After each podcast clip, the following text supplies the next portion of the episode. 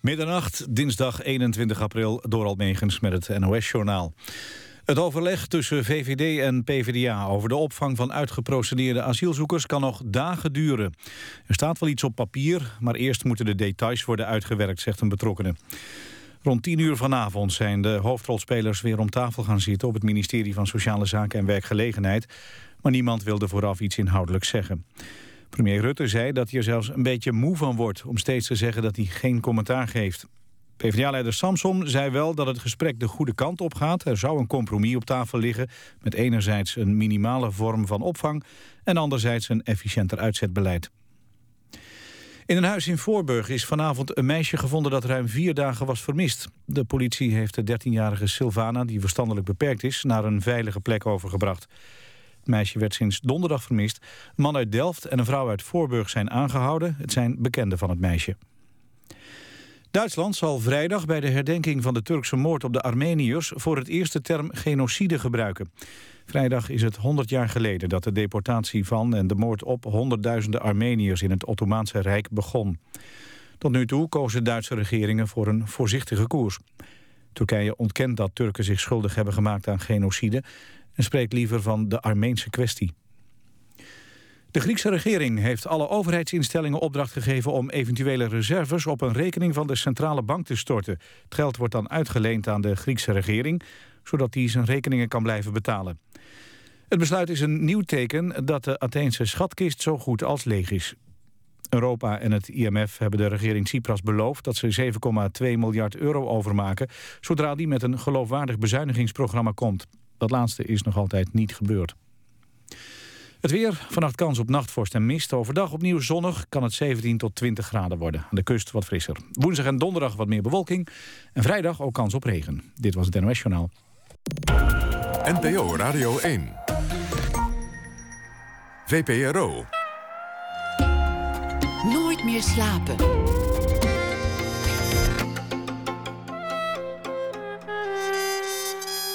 Met Pieter van der Wielen. Goedenacht en welkom bij Nooit meer slapen. Was de beroemde architect Le Corbusier een fascist? De discussie is opgeleid net terwijl in Parijs een grote overzichtstentoonstelling met zijn werk wordt ingericht. Neske Becks die schrijft deze week elke dag een eh, verhaal voor ons. Dat zal ze zo meteen voordragen. Ze is schrijfster, komt uit Antwerpen en is ook filmmaker. Kurt Cobain, de man die de roem niet zou aankunnen, wilde legende. Er is uh, meer aan de hand, blijkt allemaal uit een nieuwe film. De man is door veel meer te kenschetsen. Blijkt ook uit het nieuwe materiaal dat in die film te zien is. Dat ook allemaal na één uur. Maar we beginnen met Eva Postuma de Boer. Tussen de waarheid en het schrijven botert het niet is een citaat van Connie Palme. Het uh, wordt gebruikt als motto in het uh, boek Ika. Een roman waarin het hoofdpersonage wel erg lijkt op Connie Palme. Daar hoef je niet heel lang naar te gissen. Een boek over schrijverschap en over fascinatie. Eva Postuma de Boer werd geboren in 1971, werkte als theaterproducent, schreef uh, eerder al drie romans: Eindeloze Dagen, Lichthart en de Comedy, de Comedy Club. Ze is ook culinair columniste voor Het Parool. Hartelijk welkom, Eva. Dankjewel. Een romanpersonage maken van een uh, schrijfster, van Connie Palme. Waarom? Nou, in de eerste instantie kwam dat voort uit mijn bewondering voor Connie Palme. Want je bewondert haar? Ja, ik bewonder haar heel erg. Mateloos? Nou, mateloos, dat, ik vind dat je me nu een heel groot woord in de mond probeert te leggen. Ja? Dat is het niet. Kijk, op het moment dat, je, dat ik haar, eh, haar tot. Uh, hè, dat ik een romanpersonage op haar ging enten, moest ik haar wel uh, uh, ontzettend gaan bestuderen. En zo, weet je, maar daarvoor bewonderde ik gewoon. Ik verslond haar boeken. Ik las haar boeken, herlas haar boeken vaak. En ik, ik, ik zet daar ook dingen in de, in, de, in, de, in de kantlijnen en zo. Of soms dan, ik haal de dagboeken bij, dan, dan schreef ik dingetjes over in mijn dagboek. En dan ging ik daar wat daar weer op in. Of nou zo, die, dat hielp me. Haar, maar het was echt haar werk. Maar wat natuurlijk zo interessant is aan haar werk, is dat het, het genre, zoals ze zelf noemt, is de autobiofictie. En uh, zij schrijft, uh, ze heeft in al haar romans zelf bestaande uh, mensen ingezet. en tot romanfiguren gemaakt. En in die zin is het een koekje van eigen deeg. Ja. Ik bedoel, met, met ieder ander zou je medelijden kunnen Ja. hebben. Verdorie, ben je ineens een romanpersonage. Ja. Maar met Connie hoeven we Nee. op dat vlak geen medelijden te Nee, maar ik heb het helemaal niet gedaan om haar. eh, eh, op Een hak te zetten. Nee, helemaal niet. Nee, ik vond het gewoon heel erg leuk. En ik dacht ook... Maar heb je wel dat soort gevoelens gehad van... Goh, ehm, het is niet mijn bedoeling een hak te zetten, maar... Nee. Het is iets waar je eigenlijk bij iemand misschien wel medelijden mee zou moeten hebben. Dat je ineens een romanpersonage bent. Nou, het lijkt me eigenlijk heel leuk. En volgens mij is het best ook eervol.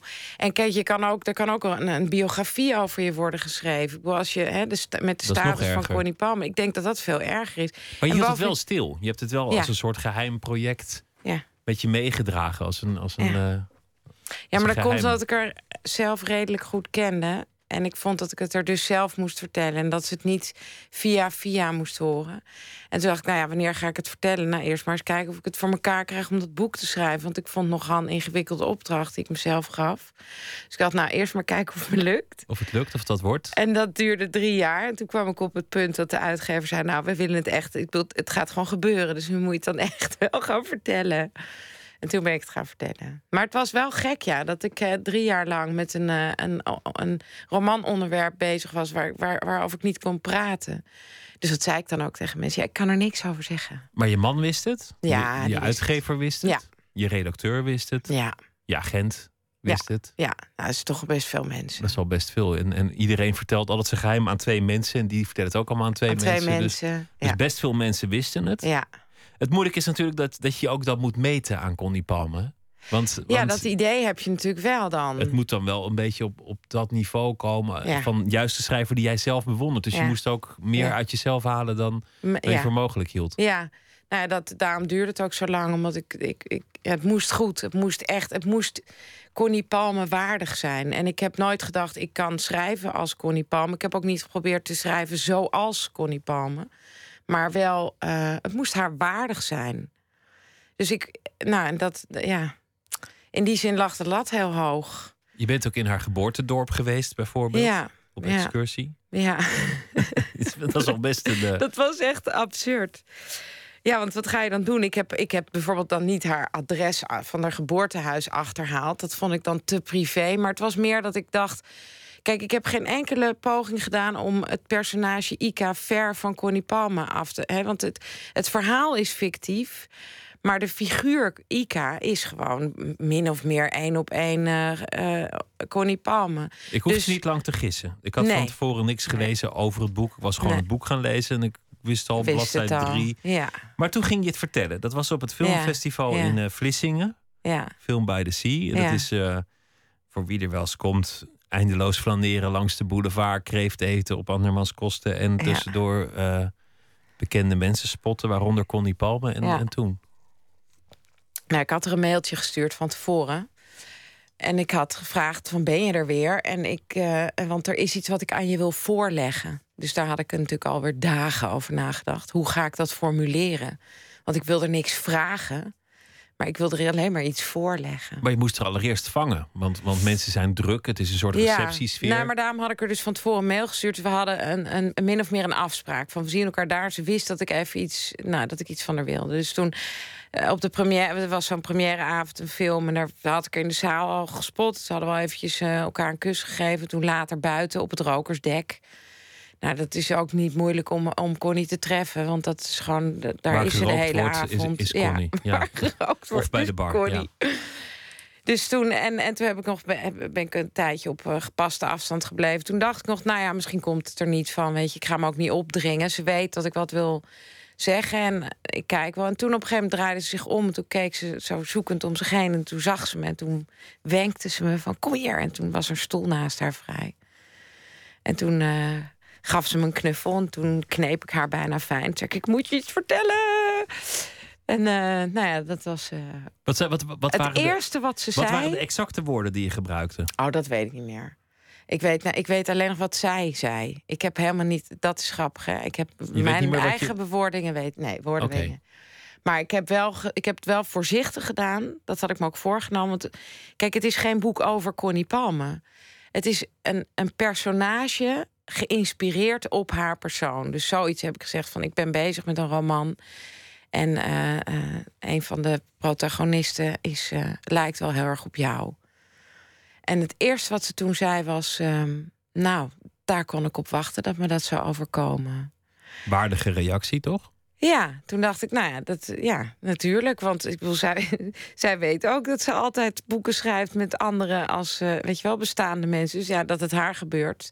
En toen zei ze dat ze het, het nou, ze heel lang knikken en nadenken voor zich uitzagen. En een beetje roken. Toen zei ze, ik vind het dapper het is echt dapper en dat is goed, want als schrijver moet je lef hebben. Dus dat is hartstikke goed.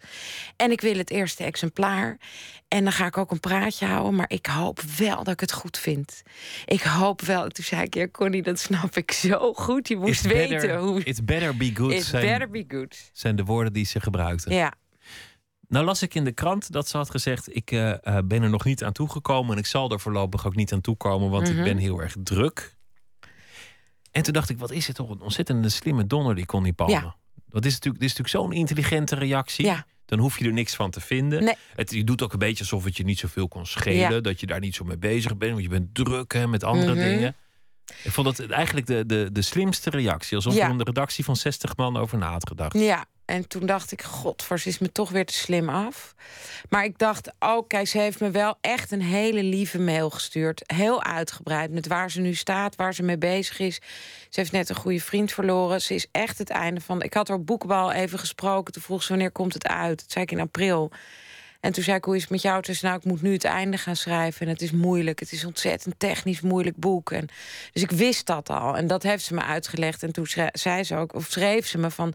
ik zit in die laatste fase. En nou ja, dan kan je eigenlijk niks anders lezen dan dingen die met je eigen boek te En dat ken ik natuurlijk heel goed. Ik, kom, ik heb net zelf dit boek afgerond. Ik ben ook heel monomaan als het gaat om lezen. Dus je gelooft het ook nog? Ik denk dat dat. Ik weet precies in welke fase ze zit. En dit rakelt van alles op. En bovendien, wat zou ze moeten zeggen? De Volkskrant zei: we willen een dubbel interview. Toen dacht ik, nou, en dan? Wat moet Connie nou zeggen? Kijk, ik heb drie jaar aan het boek gewerkt. Ik kan er wel wat over zeggen. Ja, maar daarom is het zo'n slimme reactie van haar. En het is ook niet aardig om te zeggen dat je het niet goed vindt. En het is niet verstandig om te zeggen dat je het heel geweldig vindt. Nee. En dus, dus het is in ieder opzicht de beste ja. reactie. Maar het gaat eigenlijk over iets meer dan over, over Connie Palme. Het gaat namelijk over uh, bewondering en over, over schrijverschap. Ja. Laten we eerst luisteren naar uh, het, uh, nou ja, de inspiratie voor, het, voor een van de hoofdpersonages, namelijk Connie Palme zelf. Ja. Het, schrijven is toch een soort huwelijk met de wereld, maar dan zonder dat je die wereld tegemoet treedt, zonder dat je de deur uit hoeft om de wereld fysiek te ontmoeten. Je mag alleen blijven, je mag helemaal je dag zelf inrichten... maar het werk dat ik doe, doe ik voor anderen. En dat, dat, bezorgt, dat bezorgt me groot geluk. En het is, het, het is verwant aan het geluk van de lezer. Mhm. Als je die verbeelde wereld binnengaat... waar een schrijver je toe uitnodigt... En dan ga je toch de eenzaamheid van het verstand van een ander binnen. Je gaat, je betreedt een wereld die een ander je aanbiedt... die die helemaal bedacht heeft, waar die je ook graag toe verleidt om die binnen te treden. En eigenlijk is literatuur de enige kunst die dat kan. Jou binnenlaten in het hoofd van, van een ander iemand. En het, de lezer is op zijn manier ook eenzaam in, die, in dat binnengaan van die wereld. En lezen heeft me ook, dat ging vooraf het geluk voor het schrijven... een heel grote mate van geluk bezorgd. Dat is eigenlijk waar het over gaat. Je, je, mhm. je, kijkt, nou ja, niet zozeer in het hoofd van de Connie Palme... maar wel in het hoofd van een schrijver die een, een boek maakt... Ja. en zich afvraagt hoe ver kan ik eigenlijk gaan... met, met het uh, aanpassen van de waarheid. Ja. Het, het gaat over een reis die uh, gemaakt wordt met uh, Ika Metz, de, de mhm. schrijfster. Mhm. En, en de, de schrijfster die het, die het verhaal vertelt, naar de Morvan. Ja. Jouw familie heeft een huis in de Morvan. Je hebt een groot deel van je jeugd daar gesleten. Je komt daar heel erg vaak. Ja.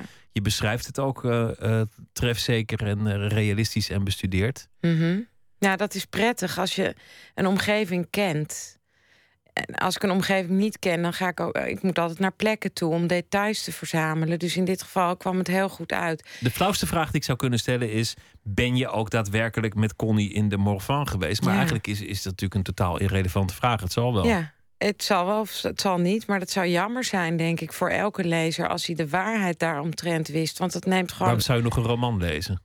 Ja, maar het is, het, het, het, het is ook wel Kijk, het hele boek is zo'n uh, spel met feit en fictie. Dus ik ga, niet, ik ga dat spel niet uh, te niet doen door, door, de, door feiten te gaan geven. Dat zou ik zonde vinden. Maar dan zou het ook een, alsnog een biografie worden of een journalistieke reportage. Ja, maar, of... ja, ja. Nou ja, ga er maar vanuit dat er heel veel verzonnen is. ja. Oké, nou ja, dat, dat, dat is eigenlijk niet het belangrijkste natuurlijk, of, of het waar is of niet. Waar het over gaat, ehm, is allereerst hoe je een verhaal maakt. En dat je kijkt als het ware in het hoofd van de schrijver, terwijl, die, ja. terwijl je in het verhaal zit, wordt het verhaal gemaakt. Ja. Van, van uh, hoe ver zou ik hier gaan? Of, of kan ik er nu dit laten doen? Of, of uh, goh, is het wel dramatisch genoeg? Mm Komt dat tragische einde wat ik voor ogen had er Mhm. eigenlijk wel aan? Mhm. Zou een moord eigenlijk hier een goed idee Mhm. zijn of niet? Ja. Zonder het einde te verklappen. Maar ja. Ja. eigenlijk eh, s- wordt het verhaal. Je zit in het verhaal terwijl het verhaal nog geschilderd ja, wordt. precies. Ja. Alsof ja. de, de vierde wand wegvalt, ja, als het ware. Ja. ja, dat was heel ingewikkeld om op te zetten. En soms raakte ik zelf verstrikt in hoe het nou eigenlijk zat. Maar, ehm, eh, nou ja, kijk. Een van de redenen waarom ik ook dit wilde doen, was omdat ik nooit goed begrepen heb dat Connie Palmer werd aangevallen op dat genre. Het waren voor mij waren haar romansboeken. Ik, ik, ik, ik ging daarin mee. Ik vind het prachtig. En wat er nou waar gebeurd van is, het interesseerde me helemaal niks. Maar mensen waren boos omdat ze Mensen over waren boos, want dat componist Peter Schat. zou dan geen, dat zou dan geen roman mogen heten. Want er is zoveel van waar gebeurd. En je mag niet met echte feiten zomaar fictie gaan maken. En, en dat begreep ik nooit. En daar heb ik me echt kwa- kan ik me nog kwaad over maken. Want wie bepaalt eh, wat de grenzen van fictie zijn? Hoezo zou fictie grenzen hebben? Nou ja, in het geval van Peter Schat waren eh, eh, vrienden die hem goed gekend hadden, boos. Ze zeiden van zo'n man was het niet.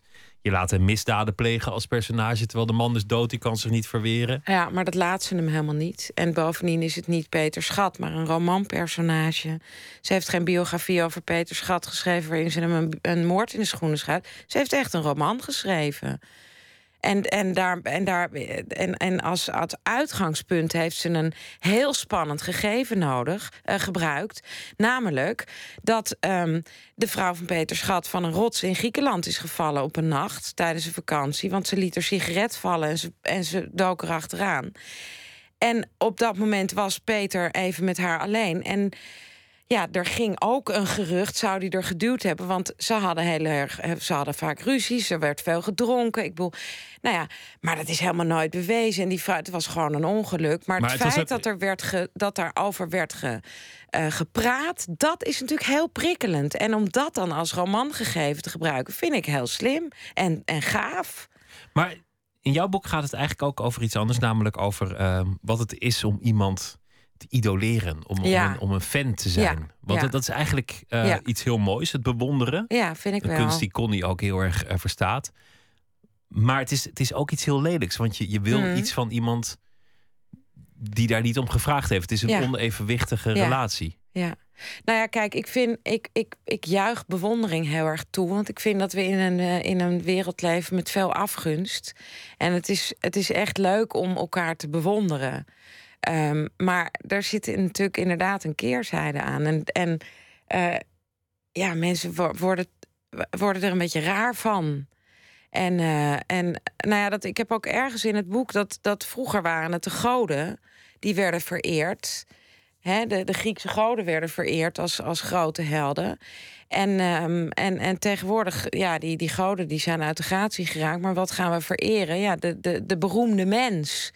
En die, krijgen, die, die heeft een soort heldenstatus gekregen. En nou ja, dat schijnt ook onder atheïsten... schijnen meer fans te, te, rond te lopen... dan onder mensen die een, een geloof aanhangen. En uiteindelijk tot aan stalking aan toe. Of in het Ja. geval van eh, Chapman die eh, ehm, Lennon vermoordt. Ja. Dan, dan gaat Ja. het nog zover dat je, dat, dat je iets terug wil. Al is het maar hem Ja. zijn roem afnemen door hem te vermoorden. Ja, of het is de teleurstelling, hè, dat zo'n fan op een gegeven moment toch een besef krijgt dat eh, hij heeft, er, er ontstaat blijkbaar een verwachting waar iemand dan in gelooft of een hoop dat er iets gaat ontstaan en ergens komt er dan dringt er toch de waarheid door van dit gaat nooit gebeuren of en dan een diepe teleurstelling en dan slaat nou ja goed je kan er allerlei theorieën daar heeft Connie Palmer veel non-fictiewerk eh, over geschreven.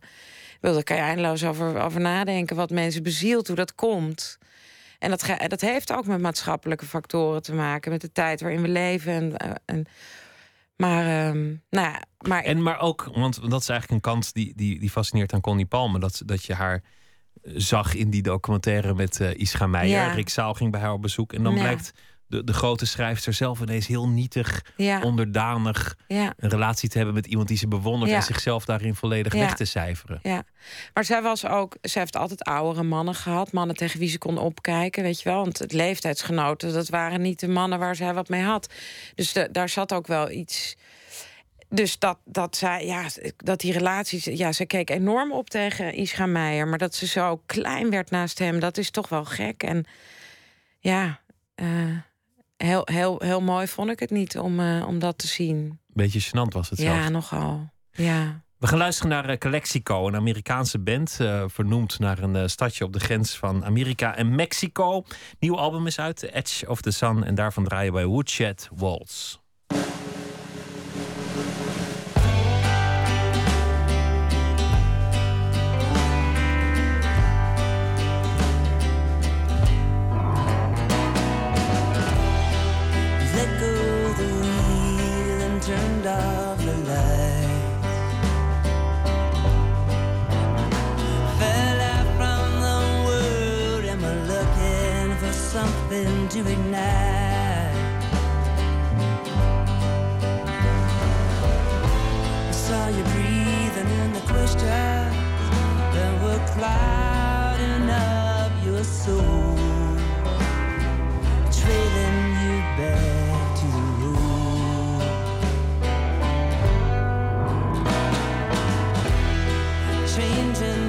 Your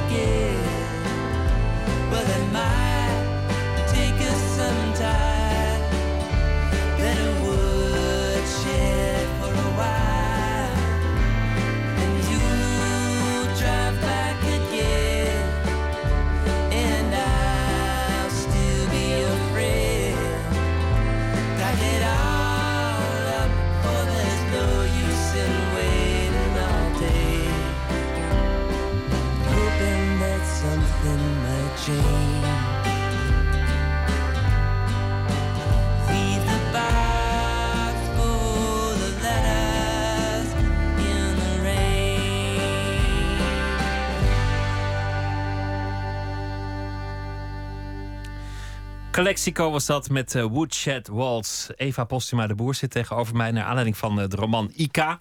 Een roman over bewondering en obsessie. Ze heeft eh, daarvoor al drie andere boeken geschreven. Geboren in 1971 in eh, Amsterdam. Mhm. Opgegroeid in de buurt van de Amstel. Ja. Jouw eh, vader was Eddie Postuma de Boer. Is, De- hoor, nog is, steeds. Is, Ja, eh, bij je alive and geboorte. kicking. Alive and kicking. Hij is nu, wat zal die zijn, 84? 83, 83. ja, zoiets, ja. Het 31 is. En je, je moeder eh, werkte in de muziek. Ja, Was eh, eh, zangeres en muzikoloog. ja. Een creatief milieu. Jou, jou, jouw ouders waren voor die tijd relatief oud. Ja. 40 als ze jou kregen. Ja, tegenwoordig Ja. is dat heel gewoon natuurlijk. Maar ja. het, het maakt per generatie wel uit. ja. Want- Vond, ik vond dat ook. Ja? Ik vond dat ik oude ouders had. Ja, Nou ja, want waarschijnlijk hadden jouw vriendinnetjes op school eh naoorlogse ouders. En jij Ja. had vooroorlogse ouders. Dat Ja. klinkt ook meteen Ja. heel, eh, heel Ja. ouderwets. Ja. ik moet wel zeggen dat ik eigenlijk pas de laatste jaren ook wel eh, zie dat die in hoeverre die oorlog op mijn ouders eh, effect heeft gehad. Ik heb me dat eigenlijk echt pas de laatste jaren beseft. De oorlog en de, en de armoede. Want dat hebben ze De allebei oorlog en de armoede. Mijn vader heeft echt, nou, ze hebben allebei echt ook nare dingen meegemaakt. En eh, ja, mijn vader had zijn twee beste vriendjes eh, zien afvoeren. En nou ja, weet je, eh, echt nare dingen. En, en zij waren hele kritieke leeftijden, weet je, echt pubers toen het oorlog was. Dus dat heeft ontzettend veel impact gehad. Ook, ook hoe ze hun leven hebben vormgegeven. En die wederopbouw en ontzettend vechten. Altijd het gevoel hebben dat je moet vechten voor alles wat je doet. En dat je, weet je wel, een soort, soort drift zit erin. Een levensdrift. En, en, eh, maar ja, oh, ja, wel, ik vind het ook wel, wel heftig, ja, dat besef. In vrijwel ieder boek gaat het uiteindelijk over. eh, nou, er komt een vader voor die een belangrijke rol speelt. Mhm. Maar, maar het thema familie blijft terugkeren in, Ja. in, in al jouw romans. Ja, is waar eigenlijk, ja. Vreemdgaan is een ander thema dat blijft terugkeren in Oh, meerdere ja? romans. Maar Oh. daar komen we misschien nog over te spreken. Mm. Maar in een van de boeken voer je een personage op ehm, die eigenlijk het idee heeft dat hij het goed moet maken. Dat hij iets goed moet maken dat zijn, eh, zijn vader heeft eh, eh, meegemaakt. Was het Waar, zo? waar heb je het nu over? Het was in, Over Lichthart. In Lichthart. Ah, Daar, ja. daar, wordt dan geprojecteerd op Serge Gainsbourg. Maar Ah, ja. had jouw vader het, het streven om een extra goede vader te zijn, omdat hij, dat, omdat hij zelf niet zo'n zijn vader niet goed gekend had? Nou, dat weet ik. Nou, hij heeft hem wel goed gekend, maar dat was een heel ander milieu. Zijn vader was kruidenier. Hij stond gewoon de hele dag in een winkel. En ehm, ja, weet je, dat, mijn vader werd fotograaf. Ik bedoel, dat, dat, dat, dat communiceerde denk ik best wel langs elkaar heen. Ik weet niet of zijn vader ooit iets begrepen heeft van de dromen die, die mijn vader had, weet je wel. En ehm, in die zin denk ik dat mijn ouders en ik elkaar veel beter verstaan. En al zijn het oude ouders, zeg maar. Maar ik, ik, ik voel me in die zin, denk ik, veel minder vervreemd van mijn ouders dan mijn vader zich van zijn ouders vervreemd heeft gevoeld. En, ehm, maar ik heb, ik, ja, mijn vader was zo'n eh, gedreven man en eh, met een groot talent natuurlijk. En die heeft de hele wereld overgereisd altijd. Dus, en hij was, hij, het is een hele lieve man. Ik heb hem ook, ik heb helemaal niet het gevoel dat ik een trauma heb omdat mijn vader er zo weinig was. Want ik, ik voelde zo sterk dat hij heel veel van mij hield. Dat het helemaal niet erg was. En, Is het hem, is het hem gelukt? Want hij, hij streefde naar vrijheid. Dat Ja. was denk ik zijn belangrijkste Ja. streven. En naar Ja. het kennen van de wereld, altijd op reis. En tegelijk was, was het ook iemand die hield van zijn familie en de gezin groot Ja. wilde brengen. Op het eerste gezicht lijken me dat tegengestelde Ja. idealen. Ik heb daar ook wel eens moeite mee gehad. Ik weet nog dat hij op een gegeven moment... eh, toen was ik wel al ergens in de twintig... en toen was hij in Bogota. Had hij voor het Rode Kruis een reis gemaakt... en toen had hij nog een dag over. Toen was hij niet meer onder de hoede van het Rode Kruis. Toen was hij in Bogota de straat op gegaan. En toen eh, is hij daar in elkaar geslagen en beroofd. En toen is hij op zijn hotelkamer gaan liggen. En toen had hij dus een gebroken rug... En hij wilde daar niet naar een ziekenhuis. En nou, er was heel Het was nog voordat er waren geen mobiele telefoons. Wij, het was ook. Wij hebben een tijdje toen even niet geweten waar hij was en wat er aan de hand was. Zo. En toen is hij uiteindelijk met een brancard terug naar Nederland gebracht. En heel heftig. En toen dacht ik wel, godverdomme zeg. Eh, Hallo, weet je wel, ik, ik ben je kind. Waarom doe je dit? Waarom moet je dit zo nodig doen? Je gaat toch al? En waarom moet je dan ook nog het risico nemen op zo'n laatste dag? Maar weet je, aan de andere kant, ik heb hem ook. Ik kan me nog herinneren dat hij een keer zijn studio zat boven in ons huis. En dan, en eh, ik weet nog dat hij een keer op reis was geweest, was ik nog kind. En toen waren al zijn filmpjes, weet je waar, was natuurlijk nog analoog. eh, was er iets met, met, met zijn filmpjes misgegaan. Het was dus die hele reis, waren alle foto's mislukt. Nou, toen heb ik hem echt, heb ik, volgens mij met een stoel gaan slaan of zo. Toen hoorde ik echt, was hij zo, werd hij helemaal gek. Ik wil die ambitie Kan ik me van ook die man. voorstellen. Ja, dat kan ik me ook heel goed voorstellen. Dus ik weet ook al heel lang dat het, het zit zo diep, weet je wel. Zijn, zijn draai, en dat komt ook door die oorlog die hij heeft meegemaakt. Hij heeft zo'n, nou wat ik zeg, een soort drift om dingen te maken en die wereld te laten zien aan de wereld. En weet je, ja, je kan hem ook niet tegenhouden. Dus ik kan het hem ook niet echt kwalijk nemen. Maar ik weet wel dat die keer toen hij echt zo gewond was en dat het echt eng was. Toen dacht ik toch ook, voelde ik voor het eerst hallo. Ik ben er ook, hè? Ik ben er en, en denk ook eens aan mij. Ja. Je, je groeide op in een creatief milieu. Ehm, er, was, er was niet heel veel geld. Maar de mensen die je ontmoette waren wel bijzonder. Er- in een van je culinaire columns schrijf je dat je, dat je, dat je de, de wietstal van Simon Vinkeroog, bijvoorbeeld, als, als, als Oh, heb ik tiener. daarover gehad? Ja, want die woonde bij ons om de hoek. En, eh, en Simon die had... eh, ik, ik speelde vaak met die kinderen. En, eh, en Simon had in de linkerbovenlaan van zijn bureau... in zijn werkkamer bewaarde die zijn wiet. Dus wij, dat was gewoon... wij liepen linea recta naar die wietla altijd... als hij even niet in zijn kamer zat. En dan zat die vrouw van, van Simon... die zat kook te snuiven op zo'n lage tafel... in een kamer aan de achterkant, achter, in het achterhuis. Keek ik gewoon zo door een kier naar binnen... zat ze daar lijntjes kook te snuiven. Ja, bizar, hè? En dat vond ik heel gewoon allemaal. Niet verwonderlijk dus dat je zelf ook een, een creatief beroep hebt gekozen. Maar dat was aanvankelijk theater, wat, Ja. je, wat je wilde gaan doen. Ja, Dus je, Ja. je hebt eh, theater gestudeerd of, of iets eh, theaterachtigs. ja iets theaterachtig. En toen ben je bij, eh, in, in de comedy terechtgekomen. Ja, veel cabaret. Ik vond eh, de vrije sector vooral heel prettig. Ik heb ook wel dingen in de gesubsidieerde sector gedaan... maar ik merkte al vrij snel dat... eh, eh, in de vrije sector, waar iedereen gewoon zijn eigen geld moet verdienen... en dat je maar moet zien dat je het redt. Er wordt zo hard gewerkt en dat vond ik heel leuk. En, ehm, eh, dus en als, ik, wa, ik was producent. Dus als producent moet je dan ook echt hard gaan. En dat gedoe met subsidie aanvragen... en die voldoen aan de regeltjes van... daar had ik allemaal helemaal geen zin in. En het cabaret is natuurlijk een vrij zelfstandige theatervorm... waar mensen zelf de broek ophouden. Dus dat, vond ik ook, eh, prettig. het komt ook terug in, in een van je, je boeken, heet ook eh, eh, de, De Comedy, Comedy Club. Club, ja. dat, dat is gebaseerd op die tijd. In, Ja. een, in een ander boek eh, gaat het over een eh, impresario van Benz. Dat Ja. lijkt natuurlijk ook heel erg Ja. op, het, op het werk dat je, dat je zelf deed. ja. Je bent relatief jong, nou, het valt eigenlijk wel mee. Eh, je was 27 toen je, toen je eerste kind kreeg. Ja, had ik eigenlijk ook niet helemaal voorzien hoor. Vond ik zelf ook jong. Maar ik wilde een kind. Ik weet niet, het- er was een... Het overviel je ineens. Nee, ja, ik, ik, ik had een ontzettend... En ik, had, ik was inderdaad, ik werkte bij Toen, naar een comedy train... en ik was dag en nacht aan het werk. En ja, ik, kende, ik had ook nog geen vriendinnen met kinderen of zo. Ik had me ook nog nooit daarin verdiept... hoe dat leven eruit zou zien. Maar ik had een fysieke drang. Ik zei gewoon ineens, ik, ik, moet, ik wil een kind. Ik wil, ik, wil dat, ik wil dat meemaken. Ik kan me er niks bij voorstellen, maar hoe, Nee. hoe gaat dat? Beschrijf het eens. Nou, eh, Zo, hoe, wat is een kinderdrang die ineens opkomt ja, en waar, dat waar ik zit niet. dat dan? ik, de- ik weet het niet. Het was heel. Ik, ik, ik weet nog dat mijn moeder zei wel altijd. Eh, al toen ik kind was, dat ik zo leuk met kinderen was.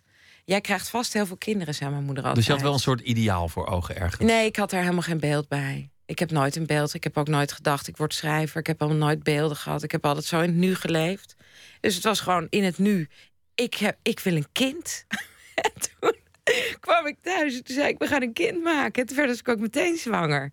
Nou, de jongen in kwestie was er gelukkig ook voor in. Ja. En in, in je, je eerste boek, Eindeloze Dagen, beschrijf je een, een jonge vrouw Mhm. in verschillende scènes die, die een kind heeft van, eh, nou ja, een, een jong kind. Het spe- speelt net in iets verschillende fases. En Ja. die, die zich ineens afvraagt: Goh, ik heb mezelf helemaal vastgedraaid. Ja. Hoe kom ik hier vandaan? Ja, ja, Ik, ik, iemand die, die eigenlijk op de grens leeft van een, van een soort adolescent leven, ja. een, een volwassen leven, grote ambities in de wereld, maar, maar gebonden aan die kinderwagen, Mhm. Gebonden aan een relatie die het misschien Mhm. helemaal niet is. Mhm. Vond een beklemmende roman. Ja, was, maar dat was. Die roman kwam eigenlijk. Nou, dat was natuurlijk mijn debuut. En ehm, ik, ik was eh, gevraagd om, om, dat, om een roman te gaan schrijven. En dat heb ik toen heel lang van. Huh, wat een. Dus het, en op een gegeven moment begon ik over na te denken. Eigenlijk dat ik, ik, ik was toen getrouwd met mijn Brabantse man, met wie ik nu nog ben. En hij vond het altijd zo gek dat ik, weet je wel, wat is het toch als je in Amsterdam wordt geboren? Frank Lammers is het, hè? De, Ja. de acteur over wie we het En hebben. hij, Ja. weet je, er zijn natuurlijk heel veel mensen die naar de grote stad komen. Dat is een hele lange weg. Dus je wordt ergens geboren in Nederland. En dan, heel veel mensen, weet je, of ik maak niet uit welke stad, maar daar gebeurt het. De stad, daar gebeurt het. En dat is, ja, daar zijn wel romans over geschreven. Maar hij, hij had dat zoiets van. Maar de wereld lag aan jouw voeten. Hoe makkelijk was het wel niet om in die stad. Ik- Hij nou had ja, het idee dat hij die stad moest veroveren, hij moest dat, hij straat moest- voor ja, straat. en jij had hem al bij ik geboorte. had hem.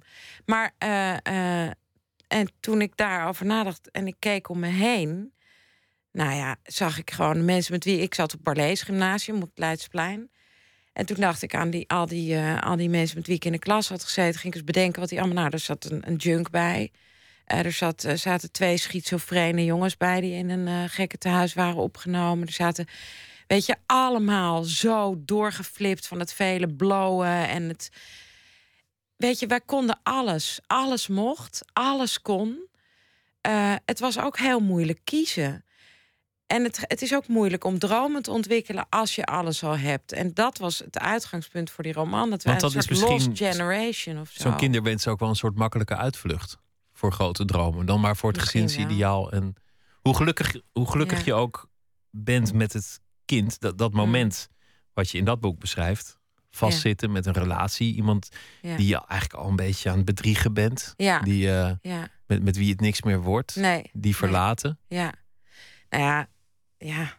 En, zo, en, en, en, en eh, die kleine onder de arm nemen. Ja. Ja, En intussen nog moeten zoeken naar een plek in de wereld. in de wereld, ja. Ja, maar goed, dat is ook een roman. Hè? Ik bedoel, er zitten ook wel elementen in van mezelf, maar dat heb ik natuurlijk ook allemaal met wat, met wat ja, fantasie ik, over. ik heb het over het romanpersonage. overdenk. ook. Ja, ja. ja. maar het is echt die worsteling van eh, eh, in die grote stad en de grote wereld en dan maar zien dat je iemand wordt. En de verwachtingen zijn ook groot, hè? Eh, in elk geval, in de kringen waar ik vandaan kom, waren de verwachtingen heel groot. Want we, Je moest iets worden. nou, je, sowieso op het Barlees Gymnasium was het het was. Je ging naar de universiteit. Iets anders was geen een HBO-opleiding, dat was geen optie.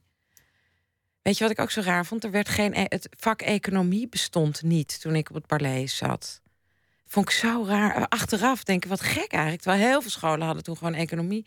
Alsof dat een soort te, ja, te, weinig, praktisch. te praktisch Want vak. geld is er toch wel. Ja, weet je wel, zo. over geld, daar, daar, daar hebben het niet zou- over. zou. Niet intellectueel genoeg. Ik weet het niet, maar de... En ik kwam op de universiteit en ik dacht, wat doe ik hier? Ik vond het afschuwelijk op de universiteit. Hoe is het schrijverschap toen begonnen? Hoe kwam dat Omdat op ik met, eh, ik, ik, ik werkte dus met Raoul Heertje samen bij eh Toemler. En eh, ik deed Comedy Train. En, en daar leerde ik Sanne Wallis Vries kennen. En toen heb ik met haar een boek gemaakt, een non-fictieboek. Rinus aan de Rekstok. Dat betekent Jezus aan het kruis, Amsterdamse uitdrukking. En, eh, en de uitgever toen, de redacteur, die zei... eh, toen ik stukken inleverde van... goh, wil je ook niet zo'n roman schrijven? En zo werd je, werd je dan toch. eh, Maar toch achteraf, hè, ik, wil, ik heb dus nooit, wat ik zei, ik heb dat het zo in nu geleefd dat ik geen voorstelling heb gehad van later ooit. Maar ik heb wel bijvoorbeeld vanaf mijn zeven, eigenlijk vanaf dat ik kon schrijven met een pen, heb ik dagboeken bijgehouden. Dus ik heb mijn hele leven ook op papier geleefd. Altijd. Altijd in de boeken, altijd zelf aan het schrijven. Ja, eh, altijd. in die literatuur. Ja. Wat Connie Palme eh, haat, volgens mij, is, is eh, de kleinburgerlijkheid. Waar ze ieder interview wel weer over begint en Mhm. fulmineert. En waar ze aan hecht is een soort groots en meeslepend leven Ja. in, in vrijheid. Jouw vader die streefde ook Ja. in eerste plaats naar, naar vrijheid. Ja. Simon Vinkenoog had het ook altijd over vrijheid. Ja. Toch kies jij, en volgens mij velen met jou van die generatie, aanvankelijk voor iets heel anders.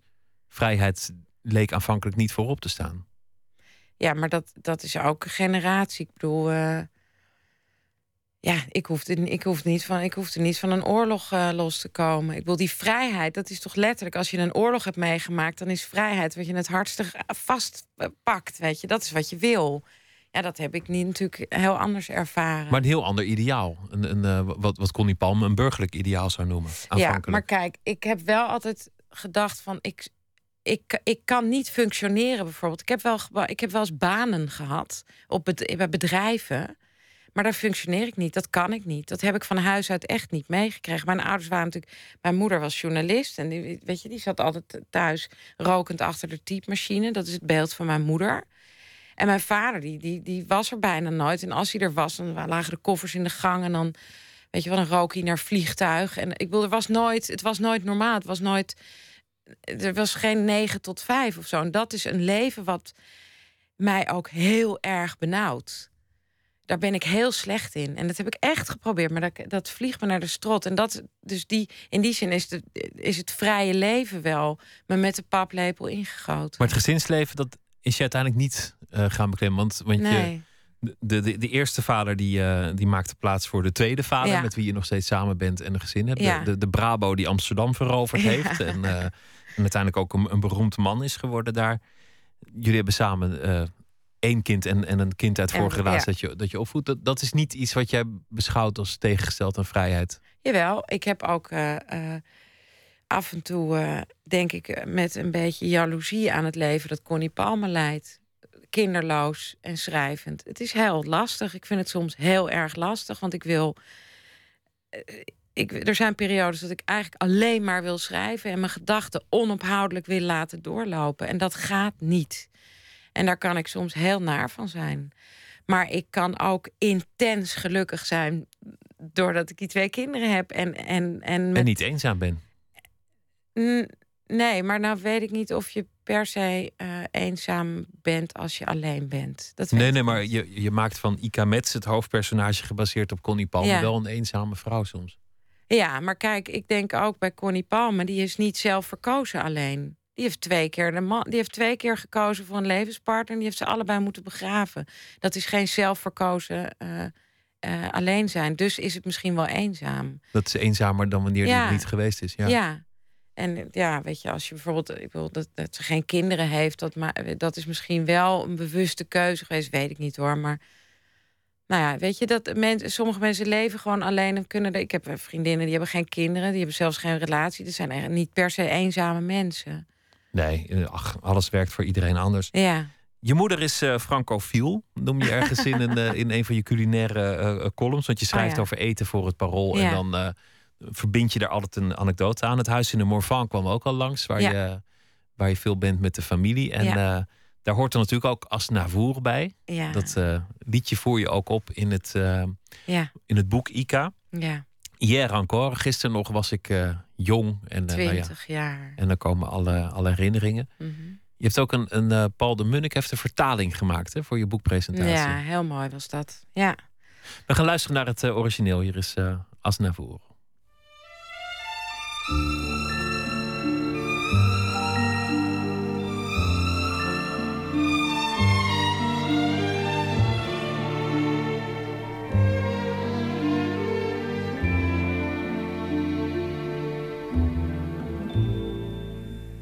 encore, j'avais vingt ans, je caressais le temps et jouais de la vie comme on joue de l'amour et je vivais la nuit sans compter sur mes jours qui fuyaient dans le temps.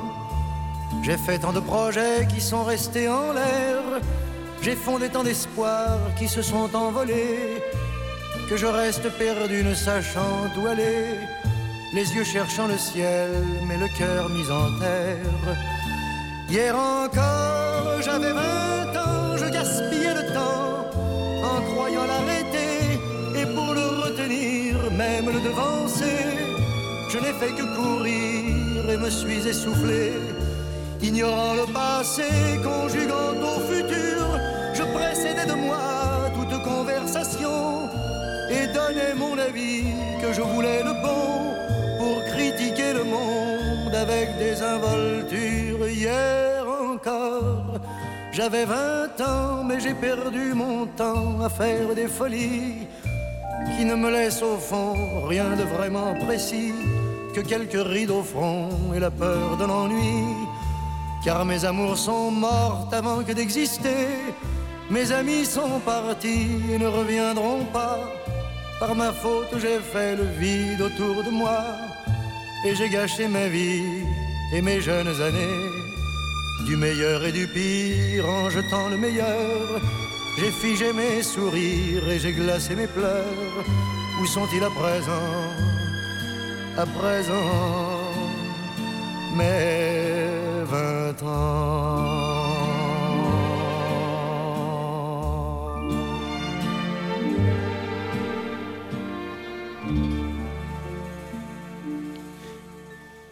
Charles Aznavour, Hier encore. Een liedje dat eh, voorkomt in het eh, boek Ika van Eva Postuma de Boer, die eh, tegenover mij zit.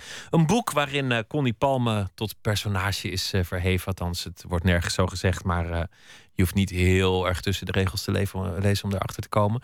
Hm. Een boek over het schrijverschap. Kan je eigenlijk zomaar de waarheid recht of onrecht aan doen. Een boek ook over bewondering. Wanneer slaat bewondering eigenlijk door? Hoe ver kan je in iemands hoofd kruipen? Want dat was volgens Connie Palme waar literatuur over ging. Dat je in andermans hoofd terecht kunt komen en eens kijken hoe het is om uh, vanuit een ander gezichtspunt uh, te leven. We hebben het gehad over uh, waar je opgroeide in Amsterdam in een vrij milieu, waar je de wiet kon jatten van, van de vrienden van je vader. En een vader die streefde naar vrijheid, die heel ambitieus was in zijn werk, wat misschien iets te maken had met, zijn, mm -hmm. met het mee hebben gemaakt van de oorlog. En nou ja, dat jullie daar ook weer mee groot gebracht met een zekere verwachting. Mm -hmm. Uh, dat je al jong moeder werd. En dat, uh, dat in ieder geval je romanpersonage uit die jaren daar flink in vastliep.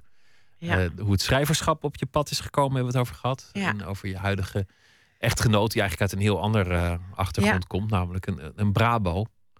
Uit een veel simpeler milieu. Die jou misschien ook een beetje een spiegel voorhoudt. Van dat jouw eigen afkomst misschien niet vanzelfsprekend is. Ja. Ja, dat klopt wel.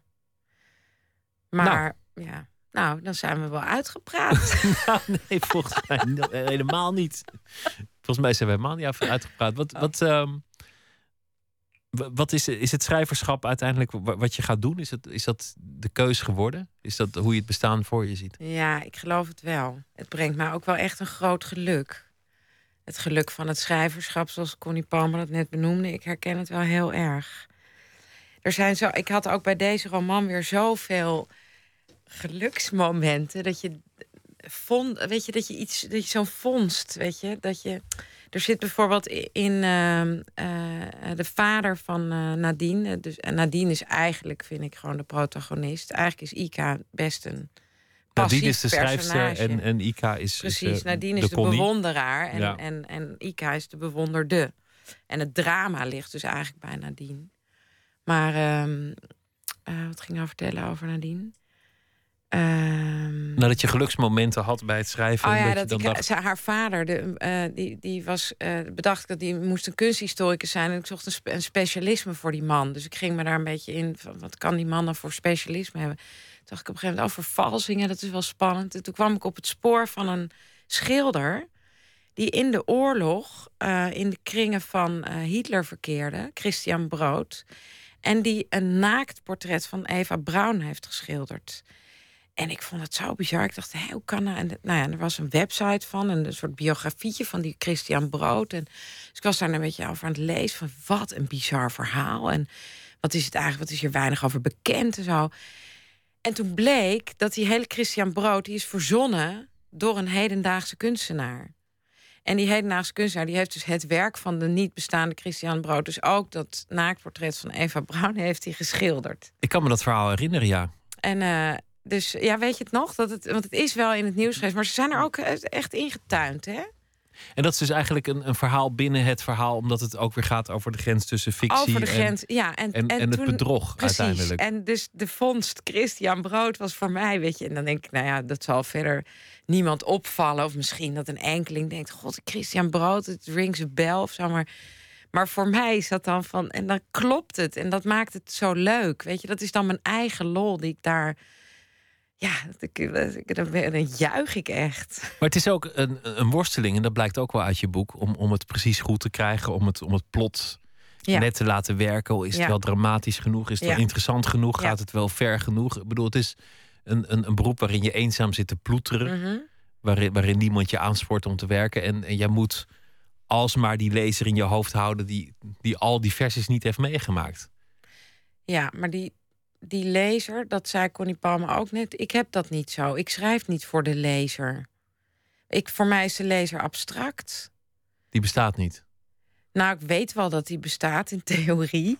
Maar ik, ik bedoel, ik, ik zie alleen maar, dat is net als met publiek. Als je, eh, ik, zie, ik, ik kan alleen maar de mensen die ik ken voorstellen dat die mijn boeken lezen. Zoals, weet je wel, als je, als je moet optreden voor een anonieme zaal, is veel minder eng dan als je voor twintig vrienden iets moet gaan speechen of zo. Dus, en dat vind ik ook met, met je lezerspubliek. Ik, ik wil natuurlijk heel graag dat het er veel worden. En dat het, hè, dat, ik ben echt trots op het boek, maar, maar ik ken ze niet. Dus ik kan ze me ook niet voorstellen. Dus die zitten niet in mijn hoofd als ik schrijf. Ik denk Dat- dat gewoon kan af en niet. toe Je aan kunt ook niet denken, mensen. Wat, wat zou Henk uit Heerlen nou eens willen Nee, lezen? nee, dus dat vind ik heel mooi klinken. Maar voor mij gaat dat echt niet op. De, de lezer. Nee, Maar alles, ken ik niet. alles wat jij hebt eh, meegemaakt, komt in je boek terecht. En, en Ja. anders, andersom is het ook zo dat je naar plekken toe gaat om iets te beschrijven. Ja. Zuid-Afrika kwam in, eh, in Ja. het vorige boek voor. Daar ben je evident geweest. En daar, ja. daar interview je ook echt mensen over hun verhaal... om dat tot een personage te kunnen eh, Mhm. verheffen. ja, Er zit, zit een, een verhaal in over, eh, over aids, ja, onder meer. En, en over eh, nou ja, alle, alle familierelaties daar. ja, ja. Dat, dat heb je echt bijna journalistiek opgetekend. Ja, maar dat, nou, ik was, wij waren daar omdat mijn man daar een film moest draaien. En toen moest hij daar een paar maanden naartoe. Met het gezin meegegaan. Kinderen waren nog vrij klein, dus dat kon.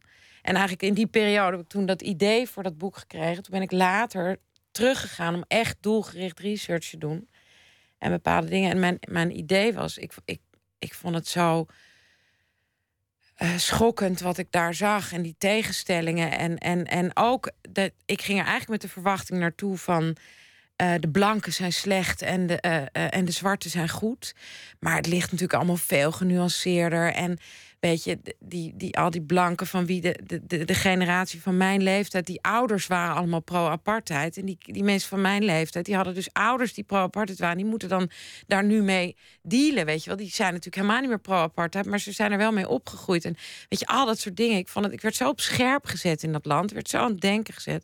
Toen dacht ik, ik wil een roman schrijven... waarin ik de huidige situatie van Zuid-Afrika eh, eh, laat zien, maar aan de hand van een spannend verhaal zonder een moralistisch vingertje. En dat je gewoon echt meegaat in dat verhaal, maar toch, toch echt een beetje gaat voelen wat daar nu aan de hand is. Dus dat was de opdracht die ik mezelf gaf. Ja, uiteindelijk eh, gaat het ehm, in dat boek, maar in, in andere boeken ook vaak over ehm, dat de mensen eigenlijk niet tot het goede in staat zijn. Dat Ja. ze zich weliswaar een ideaal voornemen Ja. en, een- en een betere wereld willen maken, of een goed mens, of, of een goed leven, of een spannend leven, of, of, Mhm. eh, of dat ze trouw willen zijn. Maar eigenlijk is dat altijd gedoemd te mislukken. Elke vorm van goedheid zal verzanden in nou ja, het alledaagse. Mhm. Is dat iets wat je ook gelooft? Nou, ik geloof wel dat geluk tijdelijk is. Maar dat is iets anders. Maar, maar eh, dat uiteindelijk de praktijk het toch wel wint van ieder ideaal. Nou, weet ik niet. Dat weet ik niet. Nee, dat weet ik niet. Dan, dan, dan, dan zou ik niet een boek schrijven. Weet je wel, ik schrijf toch een boek eh, wat dat zich afspeelt in Zuid-Afrika. Dus eh, weet je, ik, ik, ik wil graag nog wel geloven in een soort idealisme. Maar het schrijft gewoon lekkerder als het mislukt. Nou ja, je hebt natuurlijk altijd drama nodig. Nou ja, kijk, ik, ik denk wel dat de mensen een beetje. Dat, dat, dat, dat, dat, dat we erg veel tekortkomingen hebben. En we kunnen heel veel willen, maar ik, ik, ja, ik vind wel dat we veel tekortkomingen hebben. En onderling het heel slecht doen met elkaar. Ja. En zowel eh, kleinschalig als grootschalig. Maar zonder dat ik mijn levensvreugde verlies hoor. Hoe, zit dat, hoe zit dat met jezelf? Want jouw personages die, die nemen zich voor om trouw te zijn, maar belanden met een ander in bed. Eh, Ben jij zelf makkelijk met je, je idealen verkwanselen? Of, of vind je jezelf een stadvan- standvastig iemand? Mm, jeetje, Mina. Nou, ik weet niet of ik echt van die zware idealen heb eigenlijk. Die ik kan verkwansen. Wat, Principes. Prins, nou, ik beloftes. hou- nee, heb ik niet. Nee joh, ik leef in het nu. Ik, de beloftes, dat gaat over later. Dat heb ik niet. Dan moet ik, gaan, moet ik iets zeggen over, over morgen of over tien jaar, weet ik veel. Je hebt gelijk ook. Je schrijft ook voor het Parool, eh, de culinaire rubriek. Ja. Eh, dan, dan valt één naam automatisch, namelijk Johannes van Dam. Want die, die is toch de culinair journalist geweest van het Parool. Mhm. In een van je ehm, stukken beschrijf je dat je al heel jong Mm. in een positie kwam dat je voor hem moest koken. Oh, dat was heel grappig. Hoe ging dat? Nou, ik had toen een vriendje en die, die zat in de redactie van Propria Cures. En toen hadden ze, hadden ze vaak van die eh, eh, schrijfwedstrijden. Daar konden mensen en dan moest er een jury en dan werden altijd gastjuryleden uitgenodigd. En toen werd Johannes van Dam uitgenodigd voor een eh, gastjury situatie. En die ging bij ons thuis plaatsvinden, die jurering. En eh, of ik wilde koken. En toen, eh, maar ik kon echt nog helemaal niks. Ik had ook geen cent te makken. En, ja, nou ja, en toen heb ik couscous gemaakt, weet ik nog. Met, eh, ben ik naar de Turk gegaan. Toen heb ik heel goedkoop, kon heel veel groentes en zo. En merguezworstjes en... en, en, toen, en ik had geleerd van iemand dat je de couscous in een... Maar ik weet niet ik geloof dat ik het toen in een koekenpan Je moet niet bakte. koken, maar je mag het ook niet bakken. Dat is iets ingewikkelds Ja, met en, couscous. en hij zei toen, hij kwam natuurlijk toch in de keuken kijken. En toen zei hij, geloof ik, dat ik het moest uitspreiden op een bakblik in de oven of zo. Hij, het was wel... Maar uiteindelijk zaten we aan tafel en toen zat hij echt dus die twee keer opgeschept. Ik zat natuurlijk echt heel goed naar hem te kijken.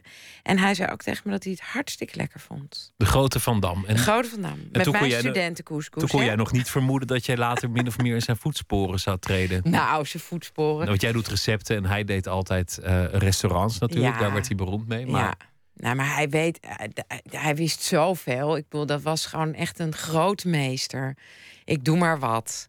Ik bedoel, ik, ik, ik, ik ja, voor- weet je, ik, voor mij gaat het toch uit, vooral om het schrijven. En ik hou heel erg van koken en eten. Dus het is, maar het, de, de, Maar onderneem je mij- speciaal een reis ook? Want je denkt van, god, nu, nu moet ik eh, daar naartoe, want hebben ze zo'n gek recept. Of ik moet naar dat restaurant, want dan heb ik weer een stuk. Ja.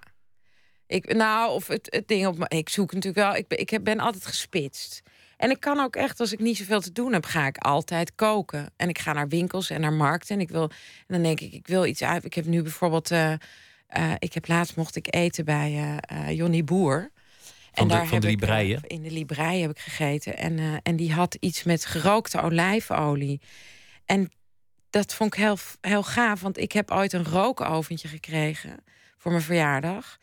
Jaren geleden. Nou, dat staat dus ergens boven op een kast te verstoffen. Vind ik ook nog een leuk onderwerp. Hè? De, niet gebruikte keukenapparaten. Nou, daar behoort mijn rookoventje toe.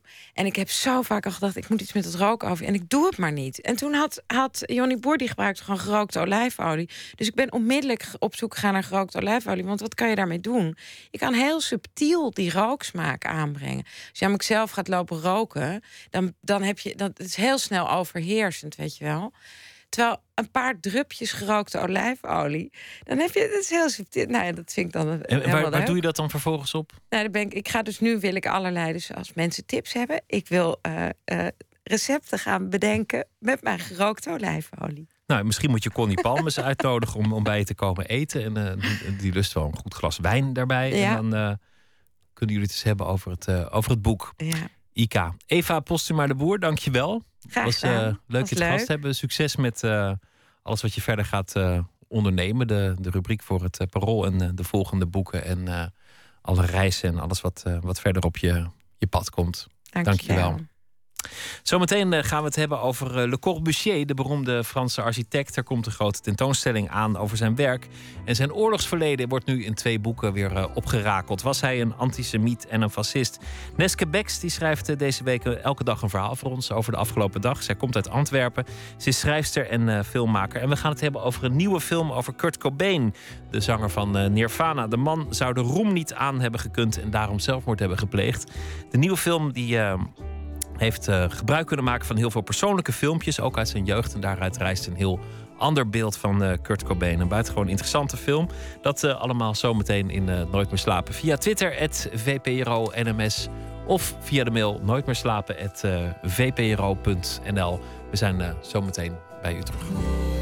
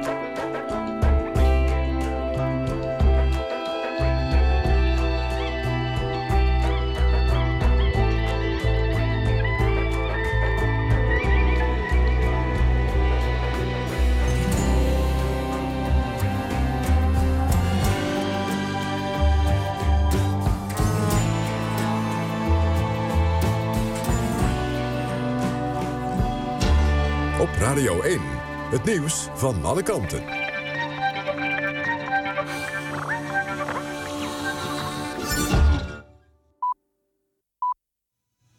1 uur door Almegens met het NOS-journaal. Het overleg tussen VVD en de PvdA over de opvang van uitgeprocedeerde asielzoekers... is kort na middernacht afgebroken en gaat komende ochtend om 11 uur verder. Ingewijden zeggen dat het nog dagen kan duren. Staat wel iets op papier, maar eerst moeten de details worden uitgewerkt, zegt een betrokkenen. De hoofdrolspelers hebben gisteravond weer twee uur met elkaar gesproken. Na afloop zei premier Rutte dat er nog steeds vooruitgang wordt geboekt... maar dat er nog veel werk is te doen. Over de opvang van asielzoekers zonder papieren wordt al een week overlegd. De PvdA wil een vorm van opvang, terwijl de VVD benadrukt dat uitgeprocedeerden het land moeten verlaten. Op Sicilië zijn 27 overlevenden aangekomen van de ramp zondag met het schip met vluchtelingen uit Afrika. De overlevenden zijn door de Italiaanse kustwacht naar de haven van Catania gebracht. Daar werden ze opgewacht door de Italiaanse minister van Verkeer Del Rio. Aan boord van het schip dat zondag kapseisde zaten mogelijk 950 vluchtelingen. 28 van hen werden gered. 24 lichamen zijn tot nu toe geborgen. In een huis in Voorburg is vanavond een meisje gevonden dat ruim vier dagen was vermist. Politie heeft de 13-jarige Silvana, die verstandelijk beperkt is, naar een veilige plek gebracht. Het meisje werd sinds donderdag vermist. Een man uit Delft en een vrouw uit Voorburg zijn aangehouden. Het zijn bekenden van het meisje. De opgeheven autoslaaptrein naar Italië en Slovenië maakt een doorstart. De nieuwe autoslaaptrein rijdt in juli en in de eerste helft van augustus... één keer per week op en neer van Düsseldorf naar het Italiaanse Verona. Dat heeft de nieuwe exploitant Treinreiswinkel bekendgemaakt. Door de trein in Duitsland te laten vertrekken en niet in Den Bosch... omzeilt de treinreiswinkel de kostenverhoging van ProRail voor het Nederlandse traject. Het weer vannacht kans op nachtvorst en mist. Overdag opnieuw zonnig. Het kan 17 tot 20 graden worden. Aan de kust wat frisser. Woensdag en donderdag wat meer bewolking. En vrijdag ook kans op regen. Dit was het NOS Journaal. NPO Radio 1. VPRO. Nooit meer slapen.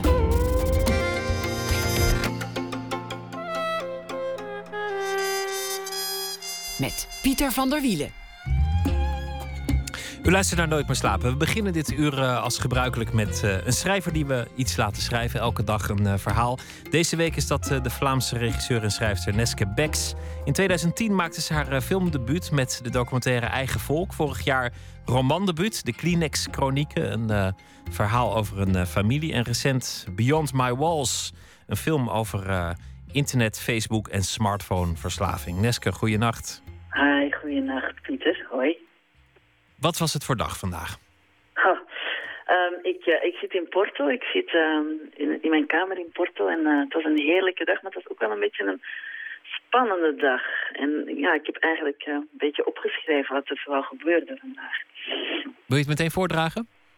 Ja, misschien is dat wel handig dan. ik je het een beetje okay. volgen. Het gaat over angst eigenlijk, denk ik. Ja, ik begin maar gewoon. Ga je gang. Ik ben bang, al heel lang, schrijft de vulpen van de schrijver op haar eerste onbezoedelde pagina. De ochtend begon met een iPad-crash. De paniek sloeg toe en ze voelde zich van haar gereedschap beroofd. Geen digitale krant vandaag. Nu de vulpen over het blad glijdt, wordt ze rustig en meer mindful dan de zelfhulpboeken die op de gecrashte iPad stonden ooit hadden kunnen vertellen. Ander perspectief vandaag. Ze loopt naar de Rua das Flores en kijkt met een milde en frisse blik toe hoe een man met een slang de stront uit de Portugese riolen zaagt.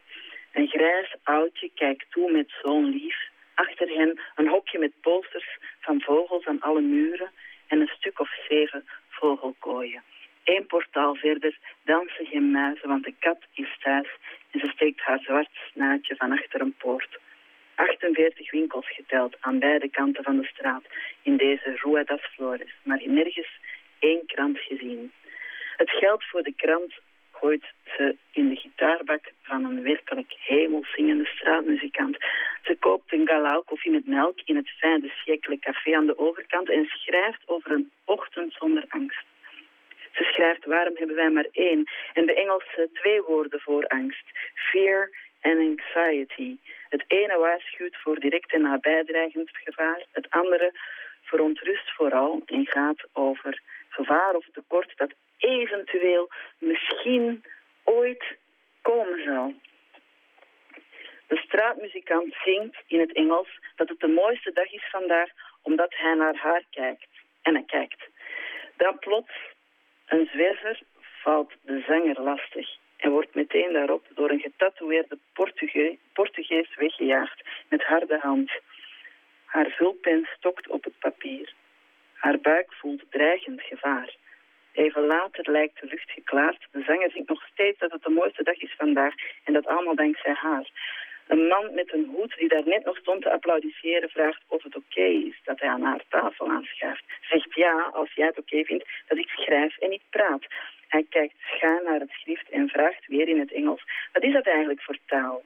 Dutch, zegt ze. Meer in gedachten dan hardop. Hij zegt funny, cause I live in Drachten. Door de angstige blik in haar ogen draait de man met de hoed zich langzaam om. Achter hem komt vanuit de verte de zwerver aangelopen, met in de ogen een dreigende blik en in zijn hand een waterpomptang. Wordt vervolgd. Morgen. Vanuit eh, Porto, waar je momenteel eh, verblijft. Een verhaal over, eh, over angst, onder meer. Wat zijn, wat zijn jouw angsten eigenlijk, Neske? Nou ja, daar bijvoorbeeld, ja, wat je bijna niet kunt vertalen in het Nederlands, die anxiety. Zo. Ik heb heel vaak als ik het nieuws hoor, net ook weer, hè, zo'n kind in Voorburg, die Sylvana, of als ik de krant lees, ochtends, dat ik echt met een, een naar gevoel, ben misschien ook wel een beetje overgevoelig, dat ik met een naar gevoel mijn dag begin. En vandaag dus echt niet. Omdat, ehm, ja, omdat ik mijn krant niet had, mijn digitale krant niet had. En sowieso ben ik aan het nadenken hoor, in hoeverre informatie, in hoeverre dat mij beïnvloedt, in hoeverre alles wat ik tot me neem eh, ehm, me eigenlijk stuurt op een manier dat ik niet gestuurd wil worden. Juist, want je krijgt een angstig wereldbeeld, terwijl het misschien aan je naaste omgeving helemaal niet eh, af te lezen is dat er iets angstig te gebeuren staat. Je, je hebt die film gemaakt over eh, eh, smartphone, internet en Facebook eh, Mhm. verslaving. Daar zit natuurlijk ook een, een angst die eraan ten grondslag ligt, maar ook een angst die er permanent door gevoed wordt. Dat heeft natuurlijk enorme invloed op al je angsten. Ja, waarschijnlijk wel, ja. En, maar het is ook een verslaving, omdat je heel de tijd je wil, je wil weten. En ik denk dat het ook een soort verslaving is aan de kick van... Hè, als kind leer je dat 1 plus 1 2 is en dat A en A en een P... dat je het eerste woord kan schrijven, aap. En het geeft je een heel goed gevoel. Dus het weten, het weten en het, het, het, het tot je nemen van informatie... is eigenlijk een soort van, van honger. En daar wil ik zelf een beetje vanaf. Lukt nog niet helemaal, maar ik ben goed bezig. Ik eh, vind het een interessant onderwerp. Morgen een eh, tweede deel van het verhaal vanuit eh, Porto. Dankjewel, Ja. Neske. Goeienacht. En ja, graag weer tot want er morgen. gebeurde wel wat met die waterpomp dan. Ik, Tot morgen. ik hoor het morgen, dankjewel. Dag. We gaan luisteren naar Boney King of Nowhere, tegenwoordig kortweg Boney King. En hij is een eh, Vlaamse singer-songwriter, Bram van Paris, eh, achter dat pseudoniem. Nieuw album Wildflowers, het openingsnummer draaien we Standing in the Light.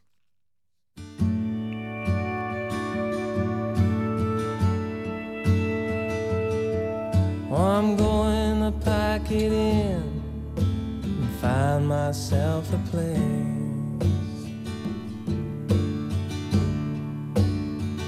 Oh,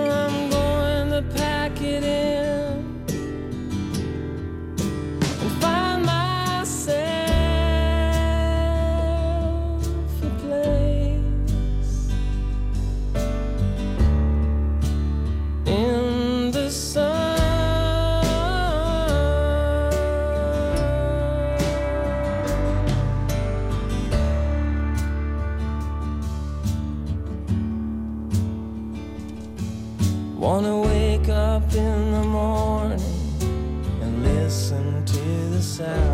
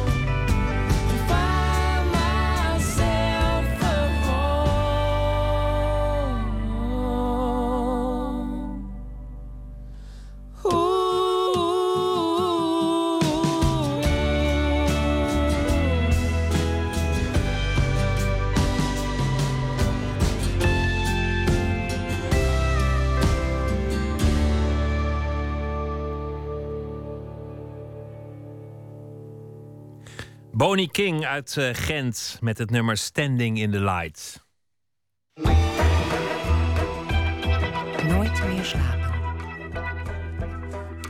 21 jaar geleden pleegde Kurt Cobain, frontman van Nirvana, zelfmoord. Valt er nog iets toe te voegen aan alles wat al is verteld en geschreven over de man? Jazeker, blijkt uit eh, de film Kurt Cobain Montage of Hack. Donderdag eh, zal die eenmalig in de Nederlandse bioscopen te zien zijn.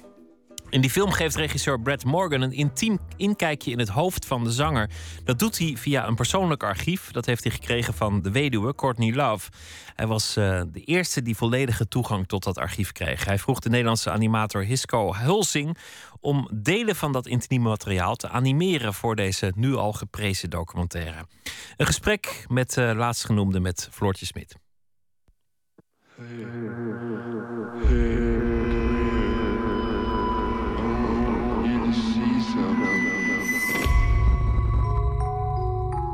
Kurt Cobain was een muzikaal genie. Who are you? De frontman van Nirvana. Hij was de stem voor Misfits. Who are you, Kurt? Hij was een heroïneverslaafd. I'm Kurt Cobain. Een man die de wereldroem niet aankon en daarom zelfmoord pleegde. I was an underdeveloped, immature little dude that never got laid. Oh, poor little kid. Hij was zo diep ongelukkig dat geld en roem hem ook niet konden helpen. Het verhaal van Kurt Cobain is al zo vaak opgetekend dat het inmiddels vast lijkt te liggen. Maar regisseur Brad Morgan besloot al die dingen opzij te schuiven. In zijn documentaire Montage of Hack vraagt hij zich af wat de Nirvana-frontman ten diepste dreef. I didn't have a vision of Kurt Cobain before I made the film. My vision of Kurt was created through my experience with these primary sources. Hij vertelt het verhaal van Cobain via archiefmateriaal. Homevideo's, aantekeningen, schetsen en mixtapes die hij maakte. What makes the film unique is that in previous stories of Kurt, you're hearing him tell his journey through interviews with the media, but in this film, his story is depicted through his art. Kurt Cobain via zijn eigen kunst dus. Dat geeft een veel eerlijker en complexer beeld van hem dan de media, denkt Morgan. I think Kurt was uncomfortable when people would shove microphones in his face. And I think he he was able he could really express himself much more succinctly through um, through the art. You always have to use some kind of art. You go out for a few hours and you come back and there's a painting on the wall or he wrote a song. His goal was to write as well as he could, play as well as he could. Let's own the music, man.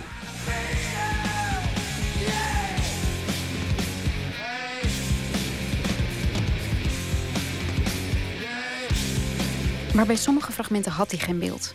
En daarom ging hij op zoek naar een animator. Na jarenlange zoektocht kwam hij uit bij de Nederlander Hisco Hulsing. Hij was al jaren bezig met zoeken naar animators voor dat stuk. En al die Amerikaanse studio's, hij heeft wel tientallen studio's benaderd. En hij vond het allemaal te steriel en te glad wat die mensen maken. En dat is het ook tegenwoordig. Ik bedoel, alles wat uit Amerika komt qua animatie is heel glad. Dus toen hij mijn film zag, had mijn naam gelezen in de Variety. Toen heeft hij Junkyard gecheckt en had hij gelijk iets van... Nou, dit is eigenlijk precies wat we zoeken. Het past heel erg uh, bij, bij uh, die, zeg maar de rauwheid en het realisme... past heel erg goed bij die sfeer die, uh, die we verder in de film hebben. Omdat Kurt Cobain zelf natuurlijk ook rauwe muziek maakte. Tamelijk rauw, punkachtig. Maar tegelijkertijd is het... Het is niet alleen rauw, want Nirvana is... Ik bedoel, het was ook een gevoelige iemand. Heel erg gevoelig waarschijnlijk, overgevoelig. En ik denk dat hij dat ook in mijn film zag. Dat er een soort van kwetsbaarheid in zat. I don't know how anybody deals with having your whole family reject you. Kurt became really unruly. He hated being humiliated. You see the rage come out. Nou, ik kreeg gewoon uh, videolinks, of Vimeo-links moet ik eigenlijk zeggen, van uh, ja, geluidscollages die Kurt Cobain maakte toen hij rond de twintig was. En een, uh, een verhaaltje wat hij ooit had opgenomen over zijn eerste uh, zelfmoordpoging op zijn vijftiende. En uh, die kreeg ik dan uh, opgestuurd met een password en met mijn naam er groot overheen en Universal Pictures en dit en dat. En dat kon ik dan tien minuten bekijken of beluisteren. Want er zat geen, geen, geen beeld bij natuurlijk, dus beluisteren. En dan werd het weer offline gehaald. Zo ging dat de hele tijd. Dus, en tot het moment dat ik een contract kreeg om het te maken. En toen had ik wel kreeg ik wel echt de geluidsfragmenten, maar met allemaal piepjes erdoorheen. Zei piep, piep, weet je, dat ik het niet kon. En dat snap ik ook wel, want dat is natuurlijk eh, gevoelig materiaal, weet je. Wat je, wat, je wil niet dat dat verspreid wordt voordat eh, de film uitkomt. Zag je er tegenop om Kurt Cobain te animeren?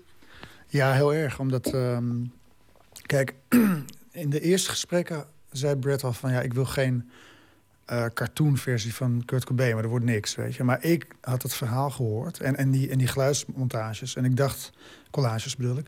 Ik dacht van ja, je kan, je kan dit niet maken zonder dat je hem ziet. Dat gaat gewoon niet. Dus toen ben ik, terwijl ik nog niet eens ervoor betaald werd... alleen nog voor de storyboards... ben ik een digitaal hoofd gaan maken. Een soort van kleihoofd van Kurt Cobain. Dat heeft me heel veel werk gekost, want Kurt Cobain was een hele mooie jongen. En dat maakt het waanzinnig moeilijk, want hij heeft geen hele duidelijke karakteristieken. Uite- Uiteindelijk kwam ik erachter dat hij dat wel heeft, maar dat is een beetje... Daar kwam ik pas heel laat achter, dat hij, heeft een vrij plat gezicht, zeg maar. En dat, eh, dat duurde voordat ik dat door had. Maar uiteindelijk was dat, eh, hebben we dat als basis genomen voor de tekeningen.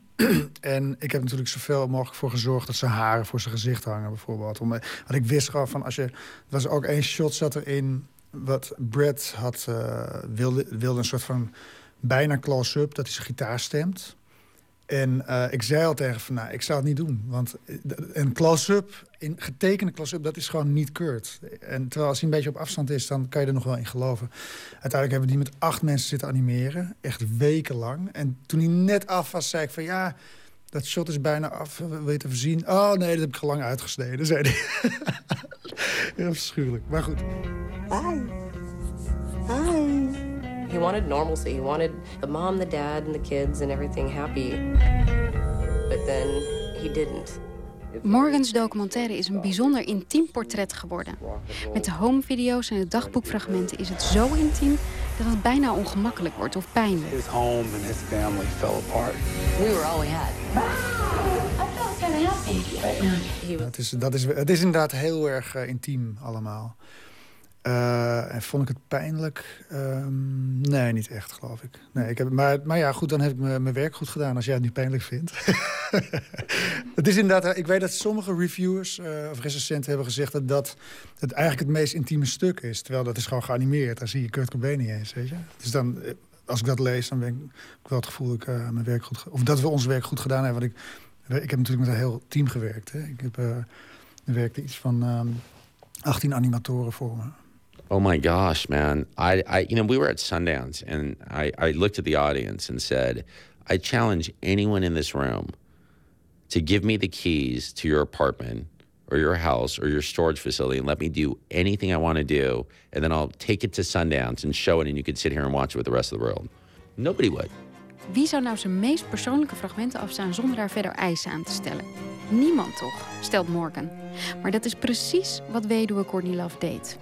Dochter Frances Bean, anderhalf toen haar vader overleed, is een van de producers van de film. The intimacy comes from the art. It's from getting into his head. It's not from seeing him nodding off on heroin. En toch gaat Morgan de moeilijke onderwerpen zoals het heroïnegebruik niet uit de weg. Een film over Cobain moet eerlijk zijn. it felt honest. And a film about Kurt Cobain should be nothing but honest and, and filled with integrity because that's what Kurt was about. So I think that's what Kurt would have wanted. I don't think he would have wanted the the rock and roll fantasy. You know, I think if he could distance, if he could take a step back, that he would acknowledge that that myth is dangerous. Because in that scenario, heroin's okay. It's almost chic. Um, but I don't think heroin's romanticized in this film, nor is it an anti drug movie. It's a rather non judgmental film, is what it is. And it allows you to draw your own conclusions. Um, no one can ever know what's going through someone's mind at the end of their life when they decide to kill themselves. It's there's no one who's ever going to know. And yet there's this fascination, this morbid fascination with wanting because it's it's I think one of the challenges of suicide is there is no resolution.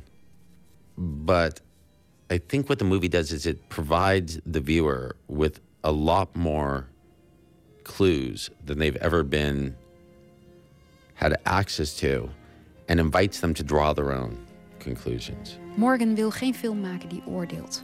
Hij laat de kijker zelf zijn conclusies trekken. Er zijn immers al zoveel meningen over Cobain en zijn zelfmoord, maar de enige mening die ertoe doet, zo zegt hij, is die van Cobains dochter. En dit is hoe zij haar vader wil laten zien. A lot of fans feel, and a lot of people who knew Kurt feel very possessive of him.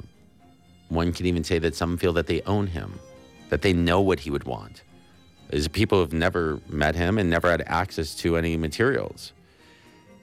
And they're entitled to their opinions.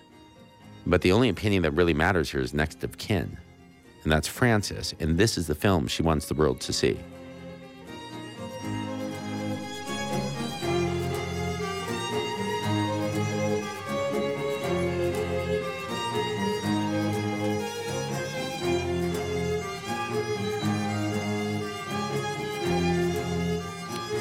De documentaire Montage of Heck is eh, 23 april eenmalig te zien bij 11 Pathé bioscopen. En eh, op DVD vanaf juni te verkrijgen. Boys and Girls, het eh, albumdebuut van Alabama Shakes uit 2012, leverde meteen drie Grammy-nominaties op. En dat betekent eh, dat iedereen helemaal klaar zit voor de opvolger. Geen moeilijke tweede. Het album Sound and Color is waarschijnlijk toch wel net zo goed als de eerste. Van die nieuwe plaat draaien we This Feeling.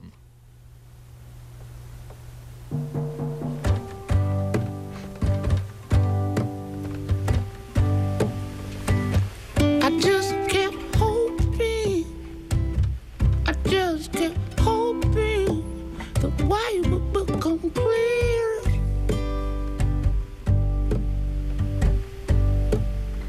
I spent all this time trying to play now and find my way here.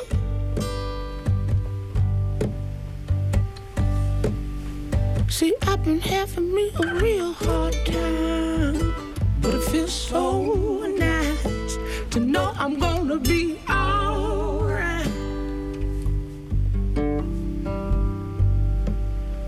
So I just kept dreaming, yeah, I just kept dreaming.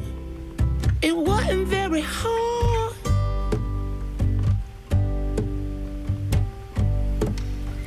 I spent all this time trying to figure out why nobody on my side.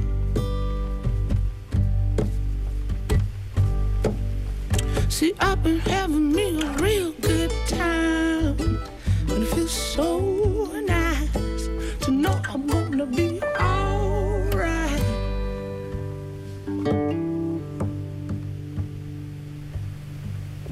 So please don't take my feeling.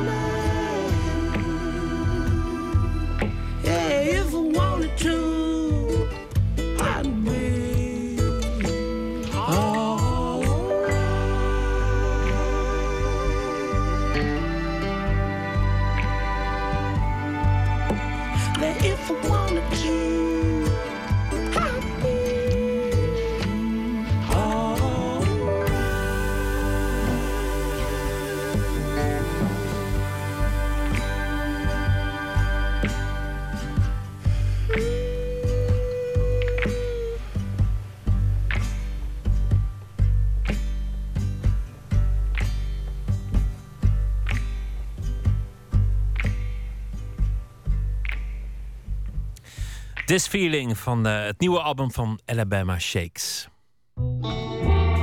Nooit meer slapen. Ophef in eh, Frankrijk over het eh, oorlogsverleden van Le Corbusier. Twee nieuwe boeken zijn erover verschenen, over de beroemde architect Le Corbusier. Niet alleen dat het een eh, ware fascist was, met links naar het collaborerende Vichy-regime, maar ook nog eens een antisemiet. En die discussie vindt plaats vlak voordat een grote tentoonstelling wordt geopend met werk van Le Corbusier in eh, Centre Pompidou in Parijs. Die tentoonstelling gaat open 29 april. Anton de Goede is uh, nachtcorrespondent. Goeie nacht, Anton. Ja, goeienacht Pieter. En we hebben het hier over misschien wel de allerberoemdste architect aller tijden. Zo wordt hij gezien. De man van het modernisme. De man eh, die oorspronkelijk Zwitser was en eh, zich eh, liet nationaliseren tot Fransman. Ik ken bijvoorbeeld die Notre-Dame du Haut, een prachtige bedevaartkapel ergens in Frankrijk, waar je met zo'n lange weg naartoe loopt. Ooit gezien, prachtig, toeristische attractie ook. Ja, die Le Corbusier. Eh, enorm veel gebouwd. En daar zijn dus nu twee boeken over hem geschreven. Eén door Xavier de Jarcy, een journalist. Die schreef het boek Le Corbusier, un fascisme, un fascisme français. En een ander, François Chasselin, die schreef een boek Un Corbusier. En daar gaat het over het oorlogsverleden. Nu heb ik die beide boeken niet gelezen. Ik heb wel gebeld met een Corbusier-kenner, Martin Groenestein, architect. En die zei van, ach, er verschijnen elk jaar wel vier à vijf boeken... en dit verhaal is strikt genomen geen nieuws. Nee, want over Le Bern- Corbusier wordt, wordt nou al sinds mensheugenis gespeculeerd of hij niet fascist was, hoe fout hij nou precies was. Maar er is altijd iets aan de man blijven kleven. Ja, ook Bernard Hulsman, NRC Handelsblad-journalist... met als specialisme architectuur, die, eh, die weet van het verleden van de architect. Maar hij zegt wel dat oorlogsverleden is altijd door biografen... en architectuurkenners verdoezeld. Luister naar de komende twee minuten. Allereerst, vanmiddag heb ik dat opgenomen... waarin Hulsman de geschiedenis van Le Corbusier schetste. Een geschiedenis die aan elkaar hangt van opportunisme... en het heulen met foute regimes. Pieter, hou je vast. Eind jaren twintig ging hij naar Moskou om daar zijn grootste eh, gebouw dat dan toe te bouwen. Het Centrum Soyuz heet dat gebouw voor de coöperaties. En hij maakte gelijk een plan ook eh, voor eh, Moskou om dat dus goed onder handen te nemen. En zoals hij dat altijd deed, Le Corbusier, betekende dat gewoon dat vrijwel heel Moskou moest worden afgebroken om plaats te maken voor flats in het groen. Toen is hij in de jaren dertig eigenlijk Rusland uitgeknikkerd, de Sovjet-Unie uitgeknikkerd. Toen eh, kwam daar het socialistisch realisme op en toen raakte dat modernisme in ongenade. En toen was Le Corbusier uit de mode, om het zo maar te zeggen, in, eh, in Rusland. Toen heeft hij in 1934 zijn diensten aangeboden aan Mussolini. Maar Mussolini zag niet veel in, in zijn werk. Die dacht, eh, mijn eigen Italiaanse architecten kunnen dat veel beter. En tenslotte in 1940, eh, toen Frankrijk onder de voet werd gelopen door eh, Nazi-Duitsland... is hij eerst een paar weken naar de Pyreneeën gegaan... en heeft vervolgens, na een week of drie, zijn koffers gepa- weer gepakt... en is naar Vichy gegaan, waar het eh, collaborerende regime van Pétain was neergestreken. En daar heeft hij weer zijn diensten aangeboden. Hij eh, eh, is ook benoemd tot eh, kabinetschef van urbanisme... voor de wederopbouw van Frankrijk. En daar heeft hij drie jaar gezeten. En ja, hij was een collaborateur in, in, in strikte zin. Hij heeft toen ook nog wel in brieven aan zijn moeder lovend over Hitler geschreven en nog wat antisemitische dingen gezegd. En hij deed heel erg zijn best om in het gevlei te komen bij Pétain en zijn, zijn regime. En dat is ook gelukt. En in 1943 is hij weer terug naar eh, Parijs gegaan, waar hij zijn eh, studio had gesloten. Heeft hij weer geopend. En toen is hij, heeft hij afgewacht. En eh, na de invasie in 1944 heeft hij meteen contact gezocht met het nieuwe regime van de Gaulle. En ging toen weer ja, zonder problemen over naar het nieuwe regime, het naoorlogse Frankrijk. En hij heeft zijn Vichy-verleden altijd een beetje verdoezeld en zijn biografen ook. Ja, waarom hebben die biografen meegewerkt aan dat verdoezelen? Ja, dat is natuurlijk de grote vraag. En het antwoord, zegt Bernard Hulsman, dat is eigenlijk omdat hij zo'n grote architect was, zo'n held. Dat, daar past eigenlijk niet bij dat je ook een collaborateur bent. Dat past niet bij het beeld. Ehm, Hulsman las net een Amerikaans boek, ook net verschenen, van Anthony Flint, The Life of Le Corbusier. En ik vroeg aan hem: portretteert deze Amerikaan, deze Flint, Le Corbusier ook als fascist? Flint noemt hem geen fascist, maar die noemt hem een opportunist. Omdat hij eh, eh, met iedereen in zee ging die hem eh, in staat zou kunnen stellen om zijn grootste plannen, want die had hij, te verwerkelijken. In de jaren twintig ging hij bijvoorbeeld in, in zee met meneer Voisin. Dat was een autofabrikant die toen heel groot was in, in Frankrijk. En dan maakte hij het plan Voisin voor. Daar heeft hij ook met projectontwikkelaars gesproken in de jaren twintig toen het plan was om de hele Rive Droite, om het Louvre heen en Le Marais, plat te gooien en uh, te veranderen in een park met, met flats. En hij hoopte echt dat het zou worden verwezenlijkt. Dus toen ging hij met ondernemers in zee. En daarna met Stalin, met Mussolini en tenslotte met het Vichy-regime. En na de oorlog met het Frankrijk van de Gaulle. Wat was dat, de Vijfde Republiek, geloof ik. En uh, ja, uh, soms lukt het hem, soms niet. Uh, in het geval van de Gaulle is het redelijk gelukt. Heeft hij de Unité de Habitation in Marseille en nog vier andere plaatsen neergezet. Zo'n hele grote flat, waarin 3000 mensen konden wonen. En met Vichy is het, is het niks geworden, maar hij heeft het wel geprobeerd. Anton, is het eigenlijk niet zo dat, dat het fascisme op heel veel architecten een enorme aantrekkingskracht had? Ja, niet alleen het fascisme, maar eigenlijk, eigenlijk alle uh, regimes die, die, die opdrachten te vergeven hebben. Hè? Je kan je afvragen, is de verleiding voor ambitieuze architecten niet eigenlijk levensgroot om voor die regimes te zwichten? Want er zijn meer architecten die fouter bleken te zijn dan oorspronkelijk aangenomen. Neem Mies van der Rohe stond te boek als anti-nazi, maar dat bleek later behoorlijk vals beeld. Bernard Hulsman citeerde vanmiddag wat een leerling van Mies van der Rohe, ene Philip Johnson, ook architect, van Mies van der Rohe eens zei over zijn leermeester, diezelfde architect van der Rohe.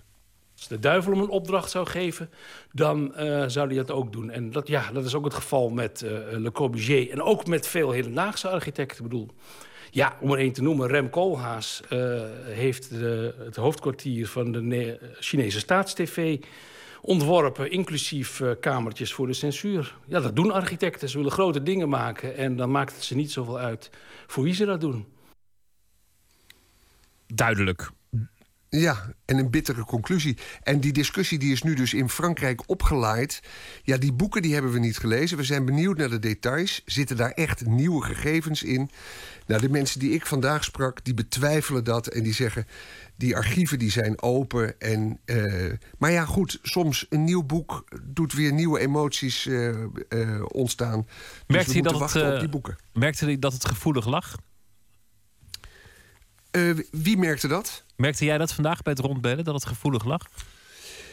Nee, in Nederland heb je mensen die uh, in die architectuur, architectuurwereld zitten en die, die, uh, die kunnen wel tegen een stootje. Het is niet zo dat het gevoelig ligt. Vroeger misschien wel, een aantal jaar geleden.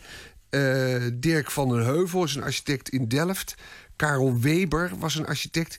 Die werden een aantal jaar geleden nog heel boos zei Bernard Hulsman, als je ze confronteerde met dit soort verhalen. Maar het lijkt nu een beetje in Nederland althans voorbij. Dankjewel, Anton de Goede. Met uh, de tocht naar het noorden werd de muziek van uh, bluesgitarist uh, Muddy Water ook elektrisch. Niet meer de akoestische gitaar, maar de elektrische gitaar. En dat werd wat uiteindelijk is gaan heten de Chicago Sound.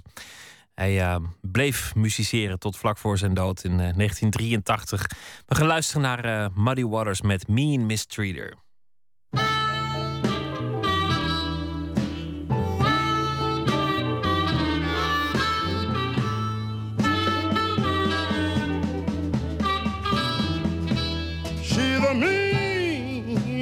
Mistreater, and she don't mean me no good.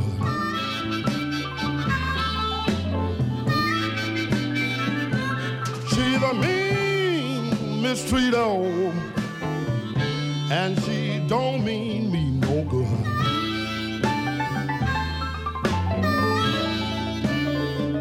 Well, you know I don't blame you, baby. I'll be the same way I could.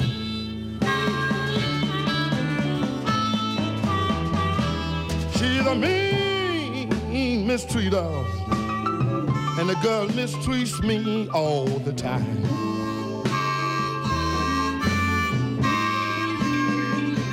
She's a mean mistreater, and the little girl mistreats me all the time.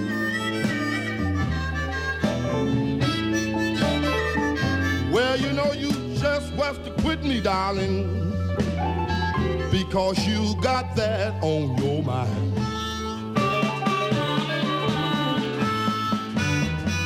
Well, you remember that Monday morning that I knocked up, up on your door. You had the nerve to tell me that you didn't love me no more. Can't you remember, baby? When I knocked on your door.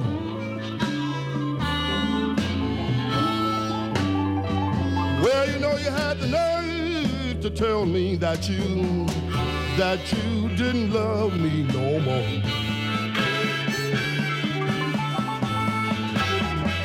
Well, you know it's lonesome, you know it's lonesome when you're sleeping all by yourself. The little girl that you love and she loving someone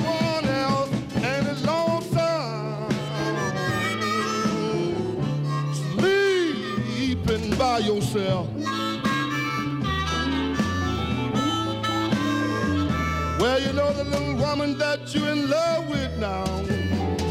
She are loving someone else.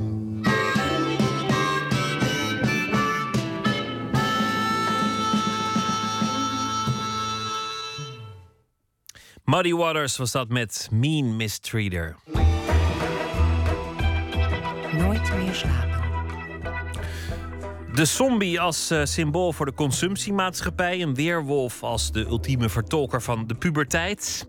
Angsten voor het ouderschap die je dan kan eh, verbeelden in de vorm van een demon. Goede horror werkt altijd toch het best als het alleen een uh, schrik-exercitie kan zijn. En liefst nog iets meer. Deze week gaat er zo'n film in première. It Follows wordt door kenners en liefhebbers een nieuwe klassieker genoemd. De nieuwe film van David Robert Mitchell vertelt het verhaal van een tienermeisje, Jay, dat na een one-night stand met een gruwelijke, last wordt opgezadeld.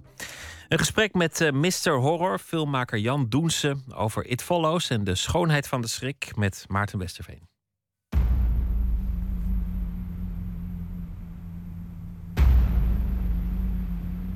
Film begint met een, een meisje wat.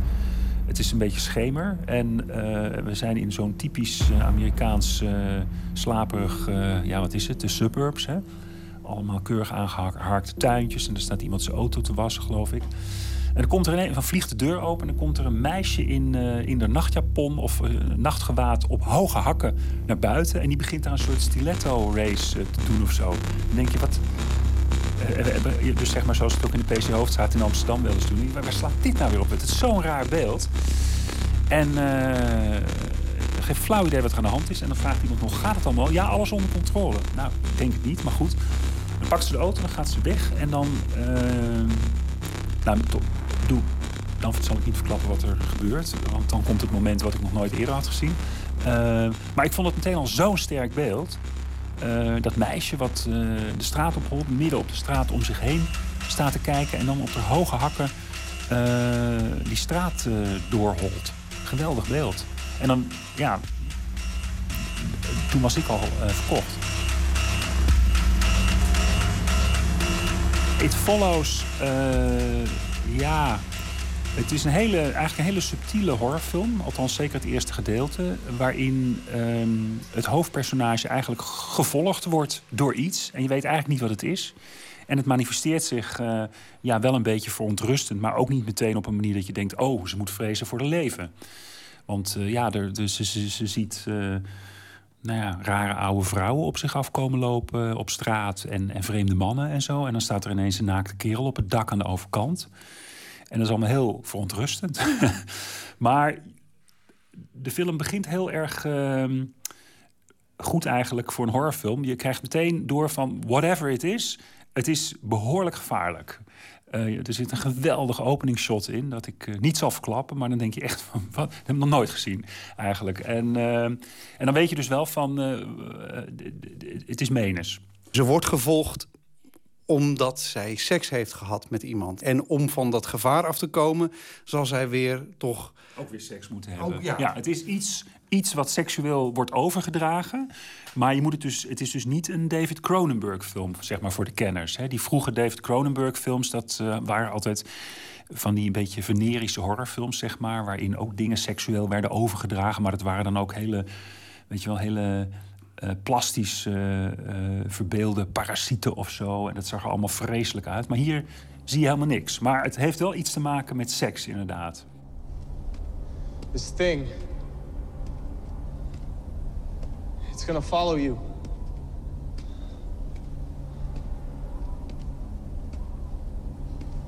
Somebody gave it to me. And I passed it to you. Back in the car.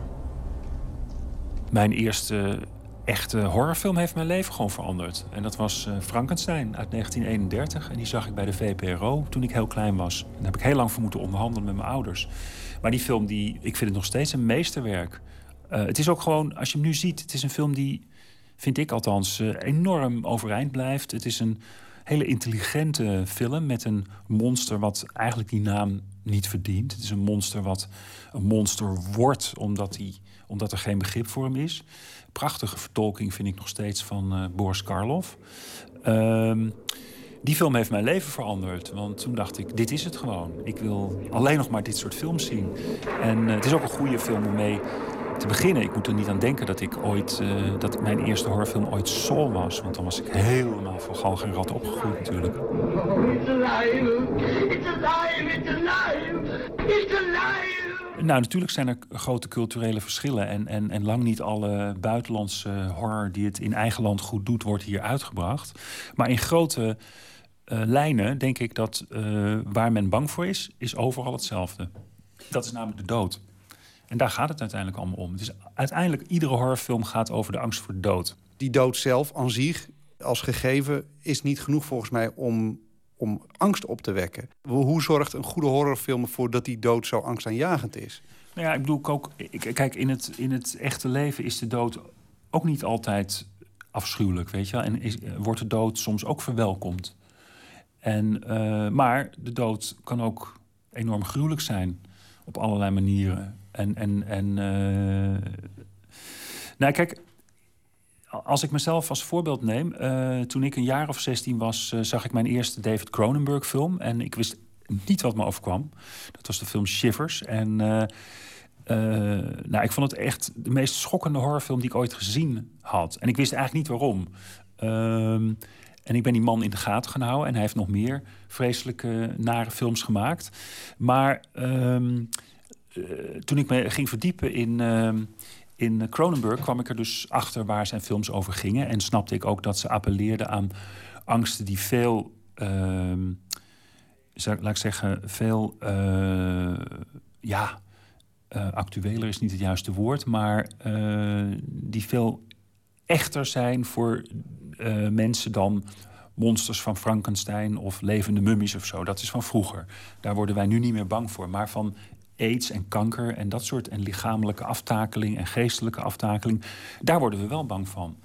Want dat zijn volgens mij uh, zaken die nu...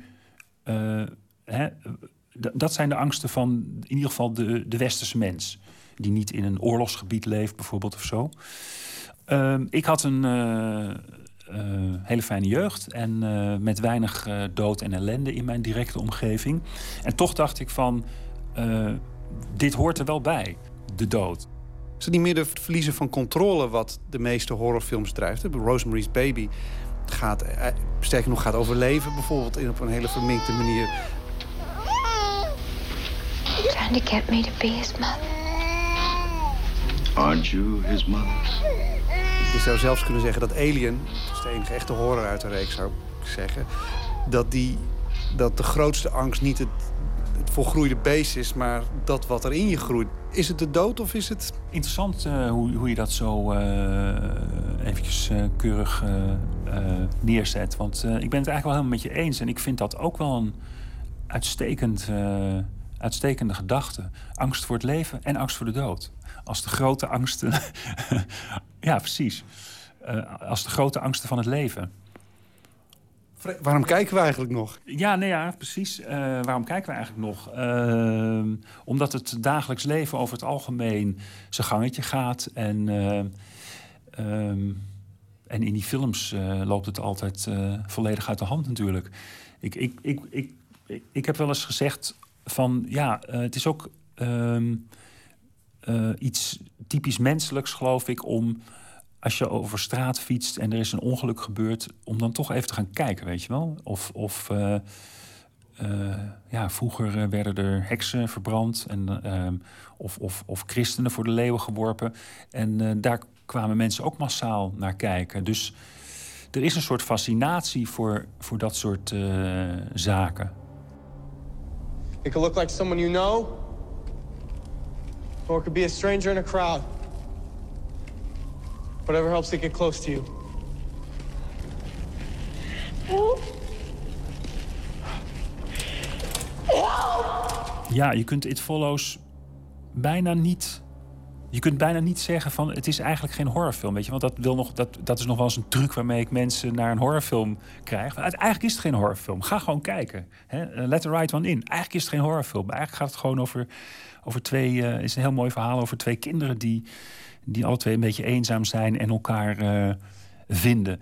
Uh, It Follows uh, heeft dat veel minder. Ik, ik denk dat het heel moeilijk is om zeg maar volwassenen, een arthouse publiek naar zo'n film te krijgen. Ik kan werkelijk geen argumenten verzinnen om dat te doen. ja, jij zit nu een beetje te kijken van... hallo, voor wie maak ik dit programma nu?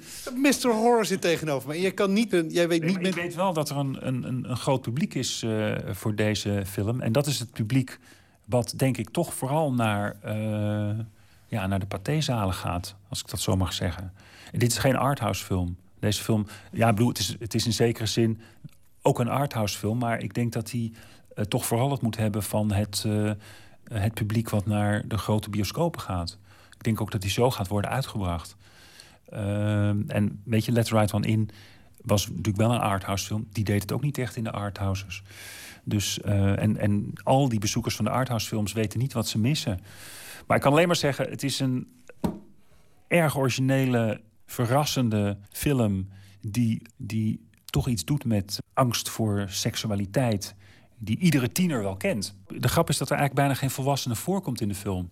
Het, het, zijn voortdurend die kinderen onder elkaar. En dan denk je op een gegeven moment ook wel eens... waar zijn die ouders nou? Daar is dan in het begin van de film wel een verklaring voor. Maar ehm, ze zijn heel erg op zichzelf aangewezen. En ze doen niet de typische stomme dingen die tieners meestal doen in dit soort films. Dat is wel, uh, dat is wel uh, opmerkelijk. Dus in die zin denk ik, uh, ouders, gaat al een kijken naar It Follows. En ontdek waar je zoon of dochter mee bezig is. What's going on? Nothing in the house, Jay. I saw it. Open the door, okay? He's in the kitchen. I'm not gonna let anything happen to you. Open the door and we'll figure this out. There's nothing out here. Mr. Horror was dat Jan Doense over de film It Follows. Deze week eh, gaat hij in Nederland in première. Een bijdrage van Maarten Westerveen. Het album is nog niet uit, maar de carrière staat al uh, flink in de stijgers uh, van de 18-jarige Noord-Ierse singer-songwriter Soak. En uh, ze is gestopt al met de opleiding, want ze weet toch wel wat ze wil het leven: muziek maken. Komende vrijdag te zien in Paradiso in Amsterdam tijdens het festival London Calling. Het nummer dat we gaan draaien van Soak is Be a Nobody.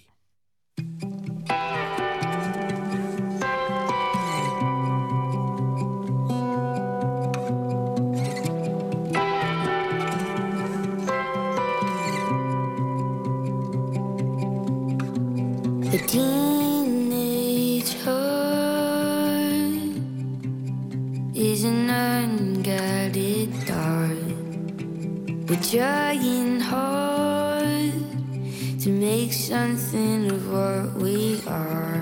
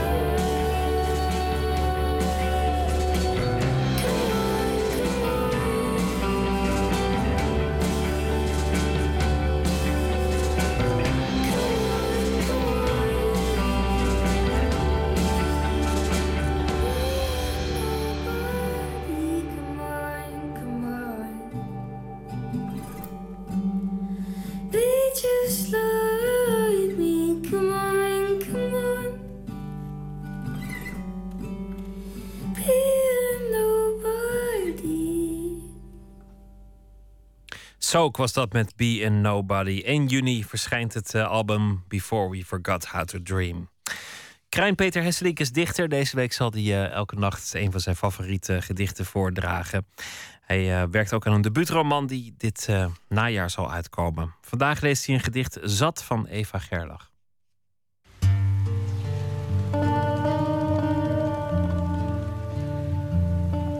Het is een, een gedicht van Eva Gerlach. En ja, het zou kunnen gaan over een soort uh, relatie. En ja, dat denk ik. En wat ik er heel goed aan vind, is de, dat het op een manier heel tastbaar maakt de onbedoelde vreedheid die in de liefde kan uh, zitten. Het heet zat. Een god komt naar je toe in de nacht en hij slaat je. Totdat je bijna dood bent. Hij weet niet wat dood is. Iets als donkere maan, gelooft hij. Je dient hem al jaren. Je bent hem zat. Je lacht niet om zijn grappen. Hou op, zeg je. Ik ga stinken straks. Denk om je eten. Als ik dood ben, ik kom niet meer terug. Van wie moet je straks eten? Hij slaat en hij slaat. Straks zit hij te huilen, de God. Er is iets met vroeger en later, waar hij geen vat op krijgt. Is niet alles hetzelfde? Voor een God is alles hetzelfde. Daarom weet hij niet hoeveel een mens kan hebben in zijn bed van mensenvlees onder de sterren. Het gedicht zat van eh, Eva Gerlach, gelezen door Kruim Peter Hesselink. Morgen zal hij eh, weer een gedicht voor, uh, voor u lezen. Zijn dichtbundel uit 2008. Zijn eerste was Als geen andere. Vorig jaar verscheen zijn vierde bundel Als niemand En morgen in Nooit meer slapen komt Ilja Gort langs, uh, schrijver en wijnboer. Hij is uh, bekend van zijn uh, wijn La Tulipe, overal verkrijgbaar en vaak bekroond. Vele boeken geschreven en ook detectives. We gaan het hebben over de geneugten van de betere wijn. Morgen in Nooit meer slapen. Voor nu een hele goede nacht. Morgen een leuke dag graag weer tot morgen. En zo meteen Maarten Hag van de EO op NPO Radio 1. Goeiedag.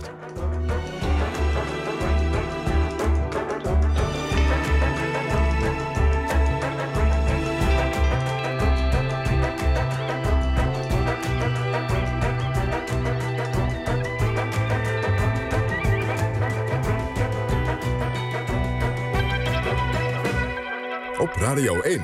Het nieuws van alle kanten.